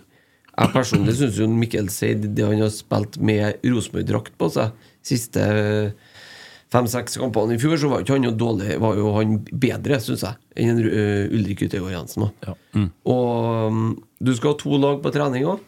Og hvis Mikkel òg skal ut, da Da må du egentlig ha to nye midtstoppere inn. Og det skal òg lønnes og driftes. Men i hvert fall når Markus ikke skal spille stopper. stopper. Mikkel er billig i drift for Ja, greit. Og så er det en annen ting, da. Det vi snakka litt om i stad, Alex. Det er en Ulrik, da. Ja. For Ulrik vet du, han er en bra stopper i trebackslinje fordi at han er vant også med den danske måten å spille på, der han kommer fra sida. Er det sånn det var? Ja, ja, ja du, du kommer inn, da. Du skal Ja. vinkle spillet inn i banen og ikke ut. Du skal, ja. Når du forsvarer i Norge, så skal du ligge i ramme, og så skal du spille på utsida. Ja, ja, sånn I Danmark så skal du tvinge spillet på innsida, så du får den trakta, så du har god kontroll. Og argumentet da at du har mer spillere sentralt i banen enn bredt i banen. Mm. Derfor vil du ha spillet inn, så du har mye bedre kontroll. Og så er spørsmålet da hvor mye de klarer å få han til å henge med på det der, og så, og så, snu om. For det har man ikke lyktes med helt i 2023. Det er en diplomatisk måte å si det på. Ja, også, kjem, kjem jo nå da en, eh, en trener som kommer fra det danske systemet, da. Hvem vet? Det, men det, det betyr ikke at andre lag begynner å angripe oss på en dansk måte for det. Nei, men altså, det- det handler om hvordan du vi tvinger- stenger med og tvinger dem inn, sant, vil gjøre at det blir enklere. Også litt å forsvare Ulrik òg. Han har jo ikke akkurat noen stabilitet rundt seg i fjor. Det var mye forskjellig og mye ungt. Og, Og det, det er sånn som Vi skryter mye over Røsten, men er en ting som han er litt svak på, så var det posisjoneringa. Altså, Yes. dueller, han, han vinner jo duellene. Han kommer jo seg ikke inn i duellene, Nettopp. for han Men står jo på flere plass. Men den Rostet da som har gått i duell, og han kunne ha falt av. Så har Mm. du fått en annen sikring. Og så har vi en Erlend inn der, da. Han virker veldig blodtent fordi han har godt humør. Mm. Eh, jeg har litt trua på han både som stopper og, og som kan gå inn på bekken òg, men Spørs hvor er han best, vil, da? spørs jo hva han vil, og hva, hvor han presterer best. Han, da. Ja. Men, jeg, men jeg er jo litt eh, vi, vi- er jo ganske enige der om at jeg vil jo helst se en Leo Kornic i, den, i det systemet som vi skal spille nå. For jeg tror det passer han å få lov til å være en sånn uh, tut og kjøre-back eh, i mye større Jeg skal legge inn en longshot, jeg. Mm. Adrian Pereira blir solgt. Ja, Det håper jeg jo ikke, for at jeg tror Adrian Pereira passer utmerket inn i Ja, jeg systemet. sier en lang, langskudd fra meg. Ja, og så er det og et poeng at nå skal vi angripe. Vi skal ikke ta fokus på forsvaret oss, men vi skal fokus på angripe. Og hva skjer med motspillerne da? De trekker seg lenger ned, har mer respekt for Rosenborg og vil heller ikke tørre å presse oss så høyt og angripe oss på samme måten. Ad, ergo Adrian Pereira blir mindre utfordra enn han har blitt i 2023, og kan få spille mye mer på styrkene sine og motstand med hensyn til Og da- Adrian, og ikke Adrian som har hensyn til motspiller. Ja, og så øh, hater jeg meg sjøl for at jeg sier det, men så Bodø var interessert i Adrian en stund, og det skjønner jeg. Fordi at Hvis Adrian hadde spilt der, så hadde han nesten ikke trengt å jobbe hjemover. han. For de, de står jo bare i den kloa her. Det er jo han som må ta Botheim, da. Ja. Det sa jeg når Botheim ble signert. Han kommer til å bli skåre steinmye mål. Over 15 mål. Hva skjer? Skårer over 15 mål. Mm. Går ikke an å være spiss i Bodø og ikke lykkes. Men hvis vi klarer å løfte spillet, da så er akkurat som du sier, Alex. Adrian får visst mest av det her offensive kvalitetene som han tross alt har mest av. Han har vi virkelig bruk for. Altså virkelig. Ja, Ja. Han, altså, han kommer til å bli en av de beste spillerne på Rosenborg i 2024. Og så er det et punkt til der. Det er det at hvis han da eh, får eh, litt av de uheldige inngripningene hans hvis de står høyere med laget, så er det òg mindre altså, Du blir ikke like sårbar, da, for at det skjer kanskje inn på motstanderens banehalvdel i stedet for at det skjer på 20 meter. da Ja, så får ikke det trekkspillet som vi hadde i fjor, hvor det er sånne avstander at vi ser ut som et trekkspill. Sånn Vi henger ikke sammen. Men hvis vi klarer å stå mer eh, tettere, da, Så vil det være kortere avstander, lettere å ta over for andre, lettere å gå i presspillet.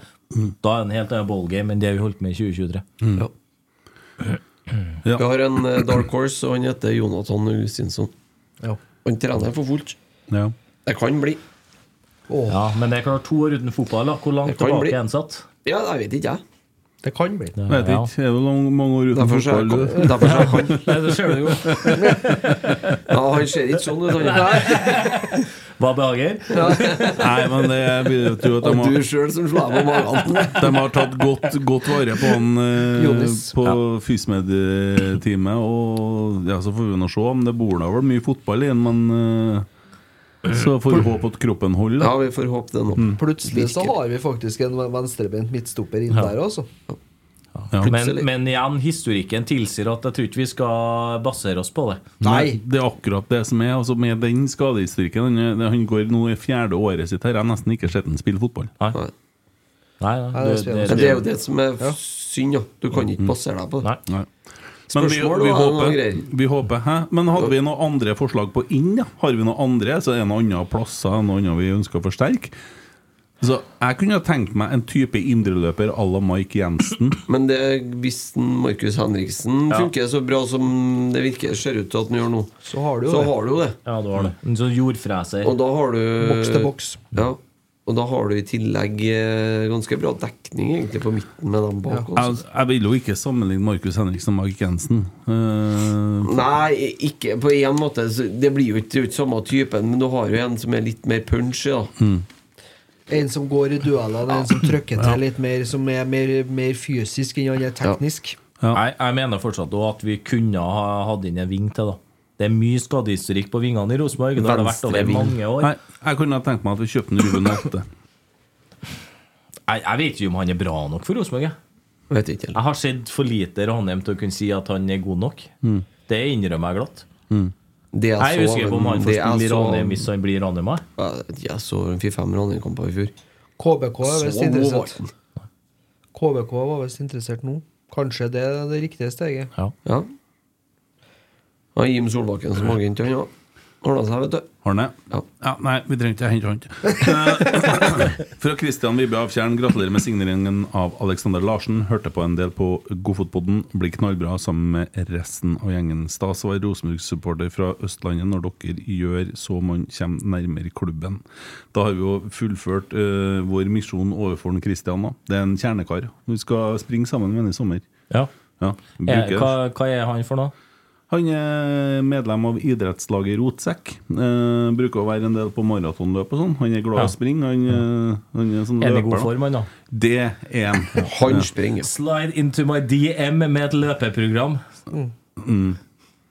Ja, nei, så han eh, Det er en kjernekar. Og idrettslaget Rotsekk har også flere folk, da. Så det, det er veldig hyggelig. Ja Er det pod i dag, spør jeg Gerd. Ja, sier jeg til deg. det er jo det. Ja. Ja, ja, ja.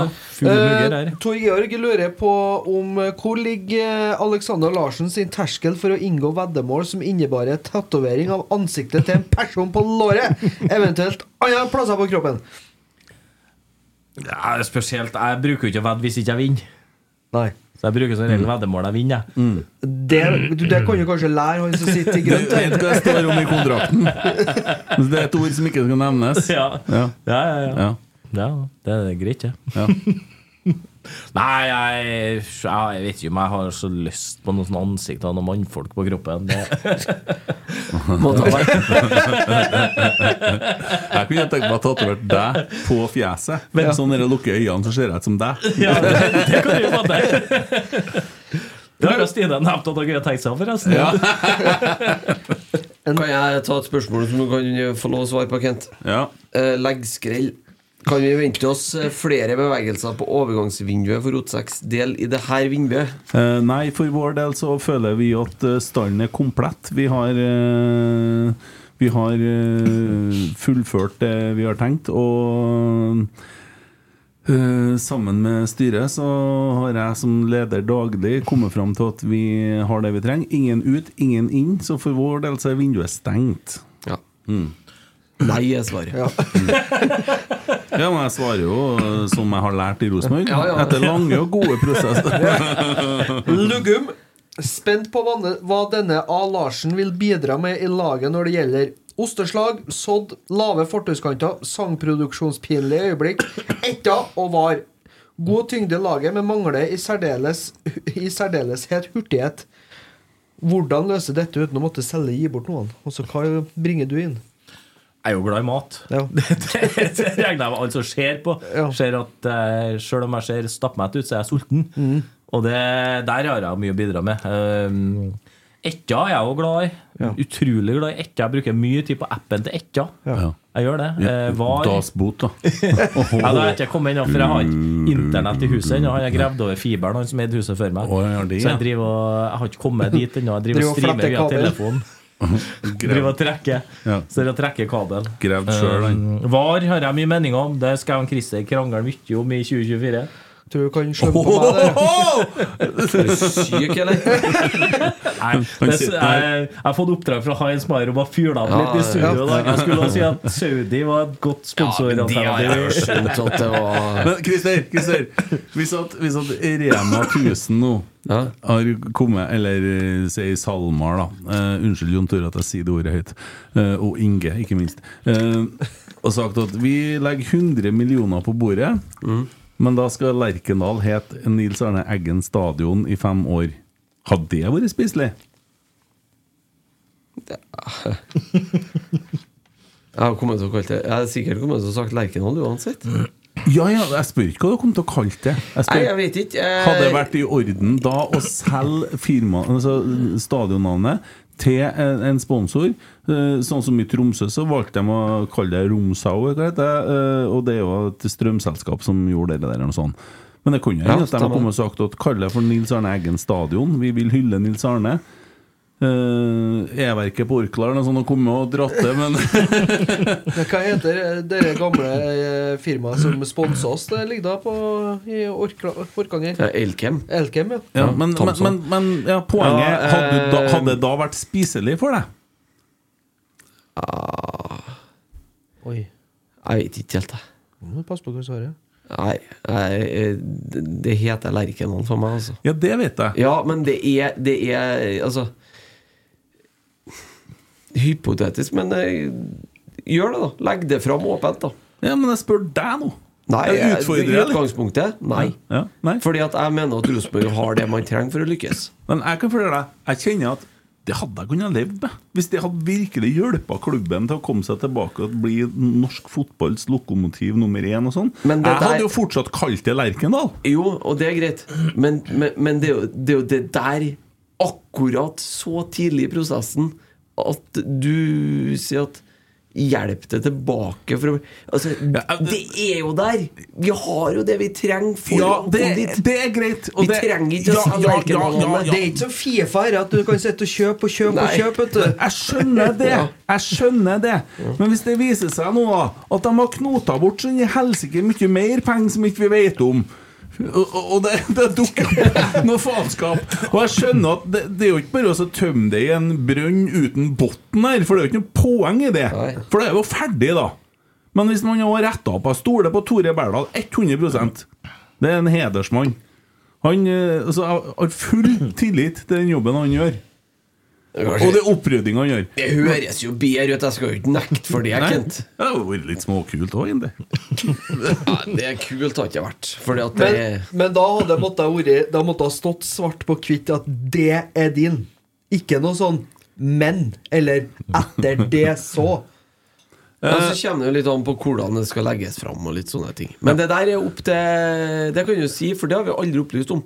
Dersom Rosenborg skal selge stadionnavnet sitt, Så må det et vedtak til så på må det årsmøtet. et vedtak som krever to tredels flertall på årsmøtet etter eh, den kloke herremannen Kenneth Kjelsnes fikk inn i Rosenborgs lov i 2014, Ja. tror jeg. Ja, Eh, Bare en digresjon til det du sa i stad. For tilsendt av eh, vår gode venn Emil Almås, som eh, ligger og har vondt i ryggen. Et oppslag fra VG fra 2017. Trener Geir Bakke er ikke i tvil om at Sigurd Rostedt 22 eh, i 2017 Det er mange år siden det. Renner fort nå. Nei, er Det sju år 29 nå. Ja, 29. 29. Han var midt imellom, da. Er Norges beste midtstopper, selv om han lider av den revmatiske sykdommen Bechdrevs. Så skriver en Emil Rostedt er jo norsk fotballs Emil Almås. Fyren har bekkdrev og konstant stiv rygg. Helt seriøst, vi kan ikke signere en 30 29! 30 år gammel stopper med bekkdrev.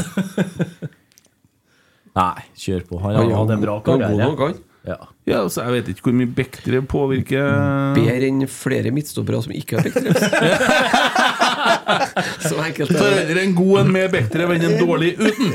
Men han er vel medisinert for det, så det er sikkert en stivhet og sånt. Men hvis du Nei, han har ikke vært noe bekymra for å signere. Vi har da signert Emil Almås har signert der, han òg. Ja, ja. Ser du nå? Han sitter nå- sitter nå på benken i dag òg. Statskoi var nå bortimot fotballinvalid når han uh, Kom, signerte her òg. Ja. Ja. Strandberg, når han kom til Rosenborg, var jo nesten invalid. Tore eh, slet var jo. Sjanseløs. Ja, ja, ja, ja. Hei, artig. Flere spørsmål? Olai Årdal. Hei, Olai. Hvilke tre lag som er i Obos nå, ville dere hatt tilbake i Eliteserien? Og hvilke tre lag som er i Eliteserien nå, ville dere sendt ned? Kan jeg få stemme, jeg få stemme på første ned? Ja. KFUM. Ja, enig. Ja, og Molde. Og Bodø. Og Bodø. Det Ja. er de tre. Ja. Altså, nummer én Bodø. ja. Nummer to Molde. Nummer tre KFUM. Ja, jo, Ja, ok, KFM var tre kjent. litt, da. Ta den kjapt, da. Lyn, Vålerenga og Ranheim. Ranheim. Jeg syns det, jo, jeg synes det var kult da når vi hadde Ranheim Rosenborg på Ja, kort, Lerkendal. og- eh, kort eh, reisevei, da. Ja. Skulle ha vært med på Ja, bortekamp i år, Lyn. Lyn, Ranheim og Moss, da. Ja. Drit i Vålerenga. Ja, enig. Jeg ville ha sagt at jeg vil ha opp eh, Moss, fordi at jeg tenker på en uh, Jon Tore Krokstad som aldri har fått vært der. På Melløs. Ja. Han har lyst til å dit. Så jeg ville hatt opp dem. Møter Moss i cupen i år, da. Ja. Da blir han glad, hvis det blir bortekamp. Ja. Nei, det har vært kult med Ranheim, da, med Pål og Eggen Ja, ja, det- og har vært Kåre og alle Det har vært Det kult. Nei, Ranheim skal ikke opp. Jo, jo. Nei, nei, nei, nei. Sarv.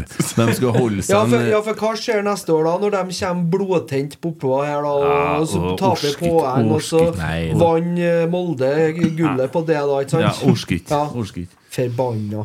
Ja. Helvete. Nei, få overalla. Hvordan defensive holdninger her, ja. Nei, vi har henta trener som skal ta på jeg dra det. vil De kommer på Lerkendal, skal jo feie over dem. Sånn skal Ja, det sa vi vel sist de var her òg, gjør vi ikke det? Hvordan gikk det da, Christer Det ble eh, 2-2, det. Den greia ja. Det? Der det tapt i cupen. Tapt i cupen og Ja, Sist uavgjort Ja, sist. Sendte Ranheim ned, vi på Ja, Lerkendal sist de ja, ja, det er bagateller, ikke sant? Det blir noe annet. Rett skal være Bare fikk, fikk en melding fra Christian Vibe Avtjern her, da. Eh, Neste løpemål Ringerike, sekstimers. Og så ser du han er skravert ut der. Ser du hva idrettslaget heter? ta dere springinga ja. etter boden. han springer for rotsekk, det er jo det som er Ja, ja, artig. ja, Må reklamere for det. Det er plass til flere i det idrettslaget. Ja. Meld dere inn i rotsekk! Christer skal jo starte langrennsavdelinga, nå. Ja. Han og Inge Brå. Og Tore Berdal. Ja. Tommy og traff hun Tommy her om dagen. Jeg ombestemmer meg. Jeg ombestemmer meg Jeg ville ikke ha opp Moss. Det er nok når du har Fredrikstad og Sarpsborg. Ja, det, det er jo ti minutter imellom. Sende Sarpsborg, da. Ja, ja, Bøtt dem, da. ja. Det Vi tar da fire lag opp. sender, sender Sarpsborg, Molde Ja. og Bodø. Sarpsborg 08, det er stygt navn. Altså, plastikkdekke. Det er så stygt det at eh, Ja, det er grusomt. Nå kan egentlig Sandefjord rykke ned, for de, nå bytter de til kunstgress. Ja, da. kan de bare rykke ned. Ja. Ja. Nå har ikke vi bruk for dem lenger. Tragisk, da. Enig. Der de ligger plassert, at de ikke klarer å få til gress. Det er jo helt sjanseløst. Beklager. at jeg har sier, men det er helt Ja, selvfølgelig. Det handler jo bare om ressursbruk. Ja, og nå slo de oss i fjor òg. Det var jo en- eneste laget som ikke har slått oss. Ja. Stemmer det. Gru, Yes. grufullt øyeblikk. Tommy, Tor Erik Hågenstavik. Hvis vi ser bort fra fotball, hva annet enn fotball håper dere at RBK blir bedre på i kommende sesong? økonomi. Sier du det? Ja, 100 økonomi. Ja, ja, ja, ja. Ja, så håper jeg Og så håper jeg på kampdag at vi blir enda råere på den før kampdag-biten. Klarer å være mer synlig i bybildet, klarer å lage et avtrykk så enda flere får med seg at det er kamp. Der har vi litt å gå på. Det er jo håper jeg vi skrur og gasser litt på nå. Stian Maursund. Og så håper vi Jeg håper vi blir bedre på omdømme, så at det ikke blir noe mer fjas utafor banen. At vi kan eh, bare bygge positivitet og glede rundt klubben igjen. Det, det hører med også med resultat. Også, for det kommer ut ifra åpenhet, og åpenhet er så mye enklere når det går bra. Eh, og det er fryktelig vanskelig når det går dårlig. Eh, Jo, jo, men man, man kan unngå sånne Bjørlo-saker og Pål André Helland-saker og sånne Ja, ting, ja, sjøl om man eh, gjør Ja. det dårlig. Da kan vi bare vente til boka til en Bakenga. Hadde jo en podkast med en Bakenga her på onsdag. Han eh, publiserer ei bok i mai-juni i år. Det tror jeg Da tror jeg Rosenborg skal under kniven igjen. Eh, så beklager til alle som har tatt seg tid til å høre den poden. Men det er ikke noe teknikken der kan ikke vi noe for. Eh, så styrer ikke signalet og wifi og greier i Kypros ennå.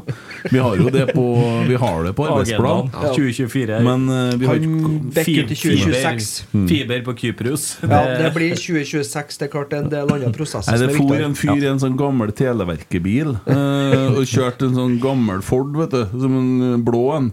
Og kjørte og ordna nedpå der, så jeg. Så vi skal gå inn med noen midler der, da. Transit. Ja. Yes!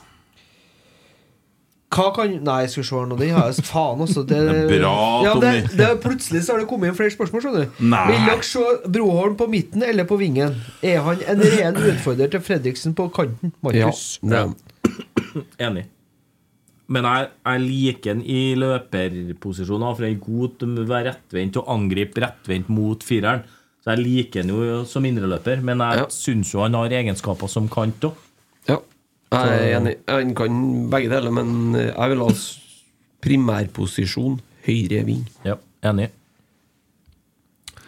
Yes, jeg har fått inn en melding forrige søndag som jeg ikke så, eh, som jeg visste jeg, Christer, vi ble enige om å lese den opp. Det er fra Siggy på Snapchat. ja. Den går på investorer. Sagt ja. Du har sagt ja? Og det Da må ikke- dere stå for det. Ja. Eh, Så jeg, jeg skal skifte bilde underveis, så det blir en liten pause i lesinga. Det, det er et lite avsnitt her, da. Ja. Eh, og så kan vi, kan vi kommentere på det etterpå. Etterpå. Liten kommentar til investorer i RBK. Hvis det er nok med sportslig suksess for å konkurrere i Norge og på europeisk nivå, eh, hvorfor har da Bodø-Glimt og Molde ikke kvittet seg med investorene? Knutsen sa vel det var helt nødvendig å få inn investorer for å kunne fortsette satsingen mot Europa. Jeg syns det blir litt amerikanske valgtilstander når dere diskuterer salg i gåsehudene av klubben. Tror absolutt ikke at eksterne investorer får så mye makt at de kan selge klokkesvingen til seg selv etter noen år. Litt mer tiltro må vi ha til Tore Langrenn, som med bravur styrer skuta i storm gjennom Hustadvika med halv propell og knekt ror, mens han lenser vann og tetter hull. Ellers, takk for en veldig fin podkast, som jeg Og så kommer det neste, da, med blad. eh, som jeg, ja Skal vi se At, eh, Koser meg med. Hilsen Snadderkokken! Ja. Allerg- Allergisk mot bæver? Det er Oskar som tar livet av meg på hjørnet her. Da kan jeg, da kan jeg starte med de amerikanske tilstandene. Da. Mm. Eh, grunnen til at eh, jeg kaller det salg av klubben, det er fordi at jeg har vel til gode ennå, med ett unntak i verden, å lese om noen som har fått eh, en medlemseid klubb tilbake igjen etter å ha gitt bort andeler av den til investorer. Mm. Derfor. Og det handler om at jeg som medlem av Rosenborg, som en eier som alle dere er òg, jeg er ikke villig til å selge min øh, være med å selge min andel til private hender, fordi at risikoen øh, for at øh, det kan bli forvalta dårlig, den risikoen er ikke jeg villig til å ta. Nei. Så enkelt det. Du syns det som har blitt forvalta nå de siste årene, er steinbra? Nei, det sier ikke jeg. Nei, nei bare tull. Men det Eh, jeg kan, fyre opp men det jeg kan si, det jeg kan si at hvis du selger til investorer, så har du i hvert fall ingen påvirkning. Det er Greit. Eh, han som stiller spørsmålet. Eh, Og grunnen til at Molde driver med det her Molde har brukt eh, Hva er en milliard han Røkke har brukt, cirka, Mm. på Molde?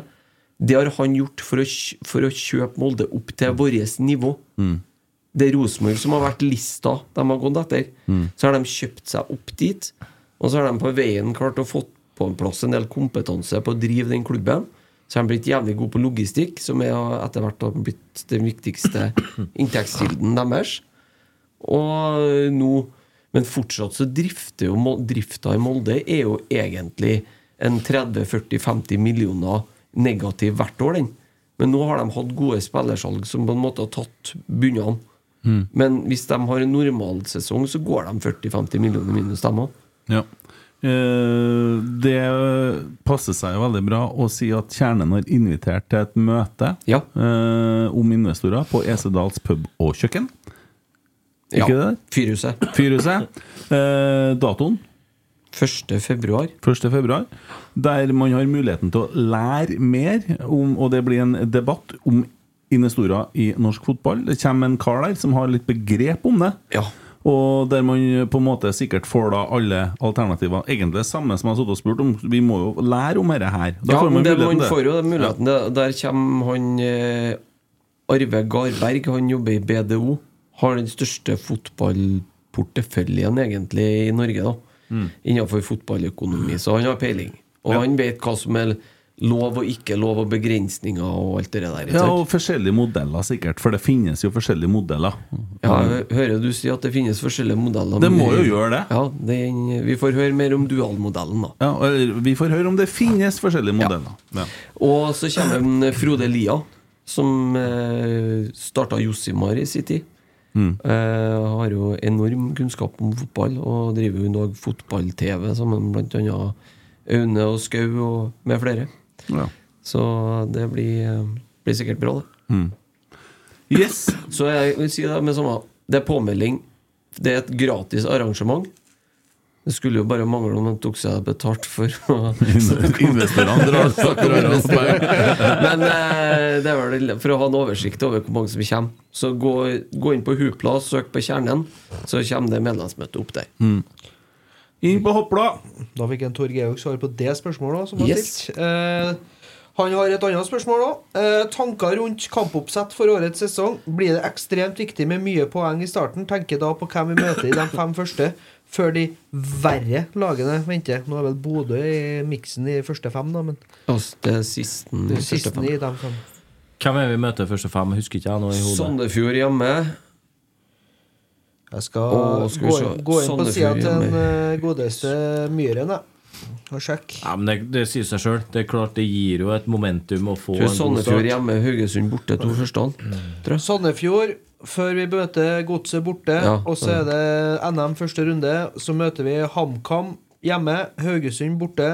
Og så er det NM andre runde, og så møter vi Bodø-Glimt hjemme. Mm. Det er april. Det er jo to bortekamper vi siste årene ikke har tatt så mye poeng på. Nei, vi Vant jo begge i fjor, da. Og Godset i fjor. Ja, året før, da. Året før der, året før der. ja, ja, De siste, siste fem årene så tror ikke jeg vi har noen sånn voldsomme poeng på det arenaen der. Men det, det er klart det er viktig. Vi må jo ta mest mulig poeng, også for Alfred sin del. Hvis han plukker en del poeng i starten, så får han mer arbeidsro. Det blir mindre press fra omgivelsene. Og det så du jo senest nå på torsdagen. Eh, Det første som skjer, er dommeren blåser i fløyta. Push-varsel. Rosenborg tapte for juniorlag i Alfreds Ja. første kamp. Det, det ser jo så De sitter jo og eh, tar på seg sjøl oppe i nord og i Molde, men eh, Oppe i nord så tapte de 6-0 for Salzburg. Salzburg. Ja, ja, men drit driter jeg i. Så Men uh, Så hvem han begynte å snakke om etter kampen? Hvis Rosenborg tapte for et juniorlag, så er nå vi et juniorlag, da. Jeg sov, sov ut som et juniorlag, var ikke det han skrev? Hva sa han Ja. Men eh, jeg er veldig glad for at vi ikke har noen av de nyopprykkene. Akkurat å begynne med. Helt enig. For som regel første fem-seks matchene kjempevanskelig å møte nyopprykka. Masse energi. På borte. Første Ja, nyopprykka laget vi møter, Eh, er KFM på 16. mai. Mm. Og Ja. da begynner faktisk verden å være litt sånn normal den, i den nyopprykka verden. For jeg, da er det engasjementet borte. Jeg tror 16. mai for KFM og Lerkendal blir forferdelig. Med full stadion og Ja. det trykket. Det er ikke de rigga for. Så det Nei. tror jeg kan bli faktisk en kjempefordel for Rosenborg. Og så får vi òg KBK hjemme i slutten av mai. Så vi får begge nyopprykka lagene. De får vi hjemme først. Fint å få sånne grå mus i starten hjemme, som Sandefjord og HamKam, sånn, eh, som vi normalt sett skal slå. Det, så ikke all verdens vanskelig de bortekampene. Så Godset er litt sånn småvrien, men Haugesund Ja, De har rigga seg litt. Men det eh, kan få en pangstart, altså. Kan det, første har, fire der. det har vært godt og deilig. Ja. Så får du Bodø-Glimt på Lerkendal. Da får du fylt Lerkendal i serierunde fem. Så fremstår de som et juniorlag, så slår vi dem òg. Har vi, har vi ti poeng etter de fire første, så har vi fått en kanonstart. Da, Og har vi tolv poeng, så får vi en enda bedre start. ja, ja. Og har vi null, så er det en dårlig start. Da er det veldig dårlig. Veldig dårlig. Veldig Ja. dårlig. Ett er bedre, da. Ja. Ja. To enda bedre. Ja. Ja. Nei da. men, Flere eh, spørsmål! Er dere mest impo overraska, imponert eller bare glad for at når vi nå har en trener som etter seks treninger har evnen til å få RBK til å fremstå med en offensiv plan både med og uten ball? Jeg er sjeleglad. Jeg er, ganske, jeg er ganske imponert over hvor stort avtrykk han satte på Rosenborg på så kort tid. Ja. Men samtidig, ja, nå skal jeg være litt sånn djevelens advokat, og så har han Svein brukt seks måneder på å omstille fra 3-5-2 det han gjort. til 4-3-3, og han har jo gjort den prosessen for en Alfred eh, enklere å komme inn i, fordi man har brukt et halvt år på en eh, mer tilnærma lik spillestil nå enn det Kjetil og Geir implementerte. Jeg tror nok ikke resultatet har vært så wow etter seks dager hvis han har tatt over i den måten Geir og, og Kjetil ønsker å spille på. Det føler jeg meg ganske trygg på. Jeg synes Ja, det- jeg er mer det- lik en Svein enn Kjetil og Geir i, i den offensive oppbygginga av det. Det er jeg enig i, men samtidig så syns jeg vi lå jækla mye bakpå mens vi altså. Jo da, men, men igjen, det handler om den omstillinga. Hvordan du spiller tre versus fire bak. Ja. Og alt det Jo, der. men det, så da må jeg spørre, da, for sånn som vi snakker om hvordan vi angriper, så ligner det jo nesten mer på Kjetil og Geir enn Svein. Jo, men ikke, ikke i presspillet. Vi står har en helt annen Ja. utgangsposisjon i presspillet. Og det å flytte etter når det er fire eller fem bak, og sånn, det er to forskjellige ligninger. Ja, ja. Du, må, du må presse på en annen måte. Mm, skjønner hva jeg mener? Ja, ja, Ja. for det er jo med at vi flytter opp, så vi blir nesten tre bak. Ved at vi flytter opp på den ene backen. Det er jeg enig i. Men nå involverer vi sentral mye mer enn Geir og Kjetil Ja, gjorde. mye mer De slo mye mer over sentral enn Ja. det vi gjorde. Så Sånn sett så er det en annen måte å bygge opp spillet på igjen. Men jeg er enig i utgangsposisjon spillemessig uten at vi tenker ball. Må jeg få spørre deg som eh, leder daglig, da. Hva kan vi forvente av Rotsekts uh, nysignering? Eh, forventer jeg at Faen, det eh, så ut som en sånn eh, Nå så det ut som en sånn utskremt en fra lokalradioen der. Er fra Nea radio. Ja, og jeg kan svare på det at det første avtrykket har vi jo sett nå i løpet av den 1 12 timer i dag. Han har allerede satt store spor. For dem som er interessert, så går det an å høre seg litt tilbake. Han har jo figurert som vikar i en del podder og levert eh, hver eneste gang. Eh, Senest her sammen med Per Siljan Skilred. Det er ikke lenge siden. Han redda meg fra en fadese etter Tromsø hjemme i fjor, da jeg skulle være programleder sjøl. Da var han Larsen sterk å ha på laget. Ja, Ja. ja. Men Folk, jeg husker ikke eh, 19. juli i fjor, tror jeg. Var ikke da jeg bresta ribbene på deg? Det er riktig. Veldig bra. Ja. Eh, glad i fotball lurer på om det blir tilbud på dør og vindu for å feire nysigneringa i Rotsekk. ja, det skal bare pusse opp. ja. Jeg bare å sende meg mail, så sender jeg sikkert noen flinke kollegaer. Veldig bra. Tore Ligård der, altså. Du, du, du lar bare ordren gå til han med en gang? Nei, men altså, da, nå er det hans episode. Han forsvinner. Tommy er så raus, en fyr. Ja. Nei, send en mail, så skal vi alltid svare gode tilbud på dør og vindu. Alex Butcher. Alfred leker med følelsene mine. Jeg har mistet følelsen flau etter å ha sett vårt presspill. Bør jeg være bekymret og oppsøke fastlege? Ja, eh, det er veldig viktig å så test og så sjekk prostataen. eh, Fordi at eh, det, er jo noe med at de kjenner om det er ting som er i utvikling der. Og det at du mister flauhet, kan være et tidlig tegn på det. Ja, da vet du det. Glad i fotball. Jeg vet ikke om jeg, Vi har nå vært litt innpå det, men foretrukket 24-25-mannstropp etter endt overgangsrunde. Det er vel 23 som er mer riktig? Vi har vært Ja, innom det. 22 er Mellom 20 og 22 er mer enn nok. Sa 23 pluss 3, sånn du men det var mye keepere nå. Ja. Ja. Uh, Topp tre ønska realistiske spillere RBK bør prøve seg på i vinter. Rosted er nevnt. Men jeg, jeg syns det er litt for tidlig. jeg, For jeg har litt lyst til å se hvordan folk fungerer under en Alfred. Gi Mm, dem litt mm. tid nå til Ja. å få sette avtrykk før vi skal begynne å bytte ut alle sammen igjen. Enig. S- Si sånn som han Emil Lønneberget, han eh, faren der. Kjøp og kjøp, du skal bare ha og ha. Kjøp og kjøp, og jeg hører ingen Nei, men, men folk må få lov å sette litt avtrykk nå. At vi, vi må se hvor er behovet hen. Og Det var den jeg- godeste sukkerdrikka jeg noen gang har smakt. Som Alfred, vet du. Alfred må få sukkerdrikka. Nei, det sa han jo nei til. Det var kun vann og til nød sånn um... Ingefærsopp. Ja, ja, han må få sukkerdrikka i studio. Vi må ha en sukkerdrikka til ham. Ellers så begynner det å se ut som vi har vært igjennom, altså. Det er veldig bra. Eh, Da forflytter vi oss videre. Vi har kommet helt ut på enden av denne podkastepisoden. Minne om det, og da hadde jeg jo glemt det i stad når jeg sa at Ranheim aldri må rykke opp. Eh, På onsdag så kommer Christian Eggen Rismark.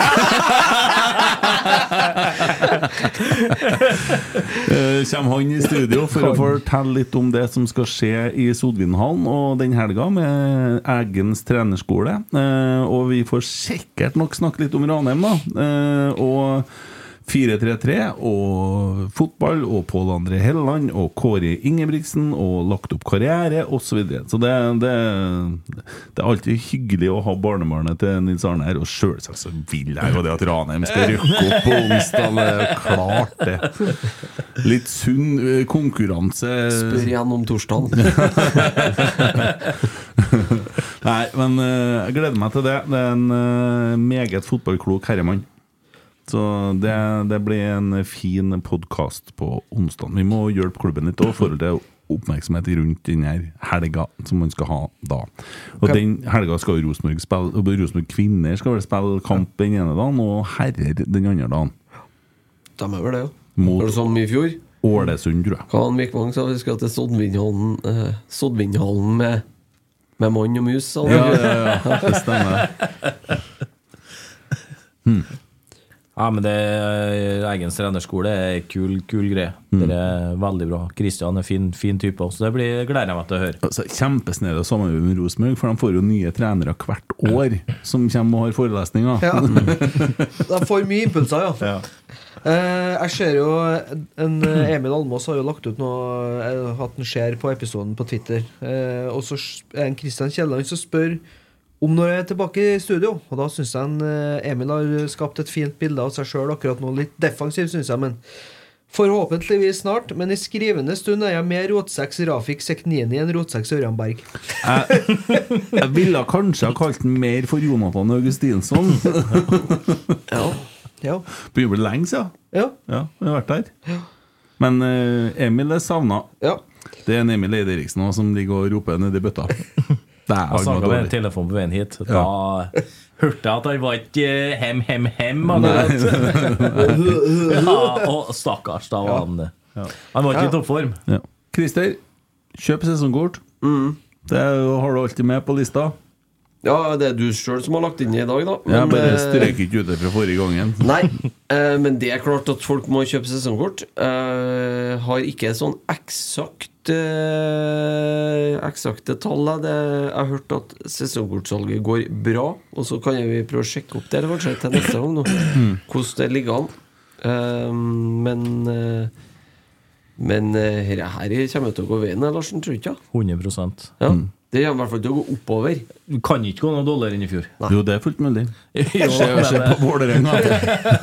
Det går ja, an. jeg, jeg blir overraska med den stallen og med det positiviteten som kommer inn. Om vi gjør det noe dårligere i fjor, det har ikke jeg noe tro på. Har du sett hva de holdt på med i Vålerenga her? Han derre spilleren som eh, agenten var ute og Ja, snakka. Ja, dæven. Og så har han eh, Viking, han eh, Brekalo og han Ja. agenten der òg. De begynner å presse klubben gjennom media.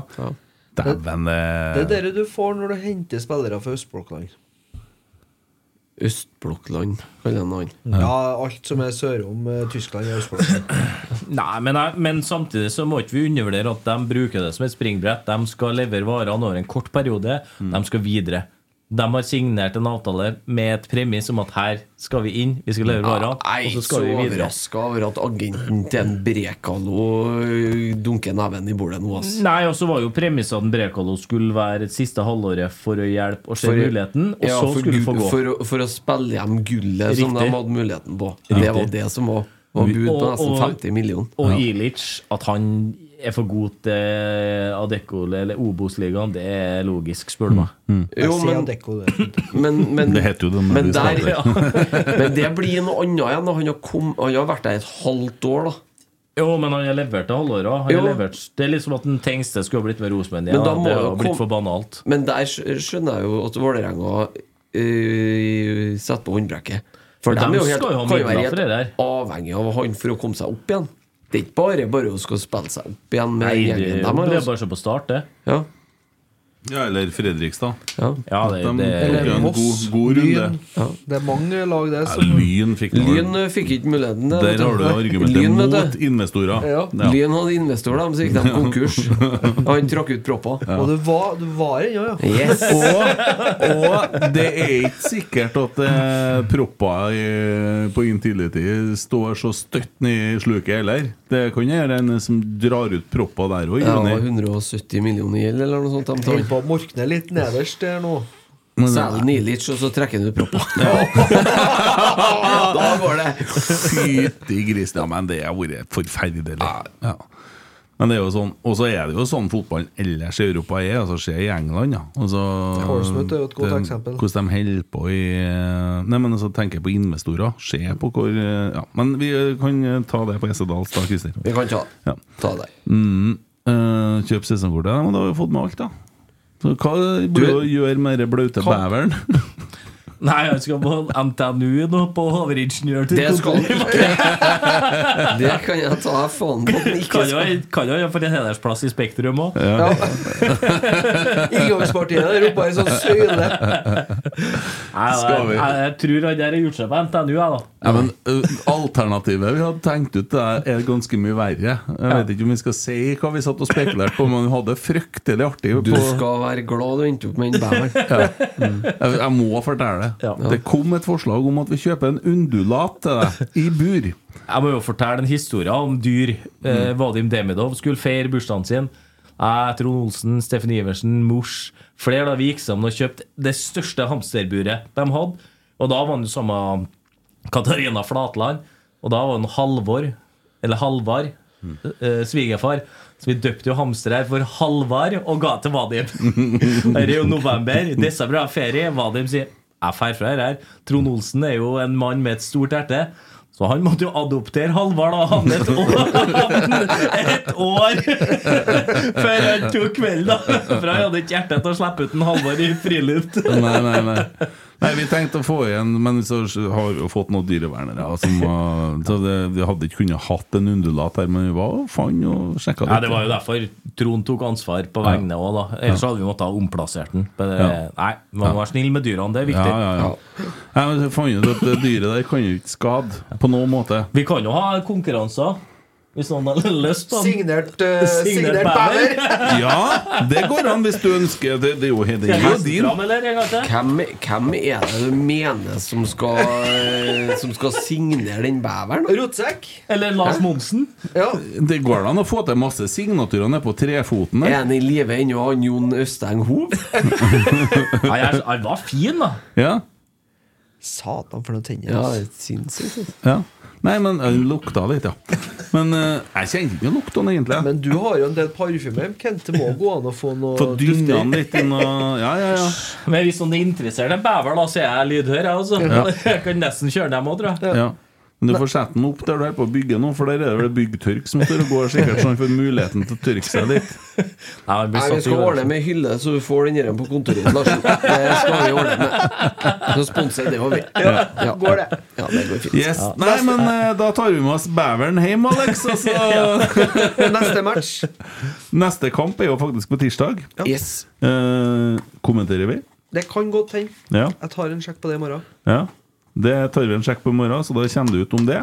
Eh, og så får vi se hvem som dukker opp i studio når Christian Eggen Rismark er her. Eh, ja, det er ikke så mye annet å si. Eh, Det er jævlig mye artig som skjer da i Rosenborg-verdenen. Og det er mye arrangement, det er mye ting, det er mye som foregår i presisen her nå. Mye, det blir, du har åpen dag, det er kickoff, det er mange ting overalt. eh, Så det, det, det, tida blir ikke så lang. sjø. Vi er snart ferdig med januar òg, vet du. Og det går mot lyse, det blir lysere tider. Og Ja, jeg hater vinteren. her, er jo, her er jo den fineste så for, Bli ferdig med januar nå, så kommer, kommer Februar, ja, og så ja. kommer mars. Det er snart, det er snart irritasjon over var og mye. Gleder meg til å sitte og være sint på VAR igjen! Ja. Jeg gleder meg kanskje ikke Jeg håper jeg slipper å være så mye sint på VAR i år. Ja. Eh, håper jeg òg. Men eh, Håper jeg Alex. Yes, det her blir, gleder jeg meg til. Det blir bra. Jeg gleder meg òg. Veldig. Og Opsjon på et år òg, vet du. Det så ikke jeg i kontrakten. nei, Nei, nei, fordi det, det bestemmer vi. Ja, vi ja, ja, er ja, herregud, jeg er jo 6 Nei, hvor gammel er jeg? 37 år? Jeg har jo bare ettårskontrakt. 37, fy faen, jeg husker jeg var 37. Var det 82, det? Det var herlig, ass. Steiket av gode tider. Det var så Jeg vet ikke, jeg- Den kommer seg ny runde, og dessverre nå på det i og Kornic spiller gjennom og der er det mål!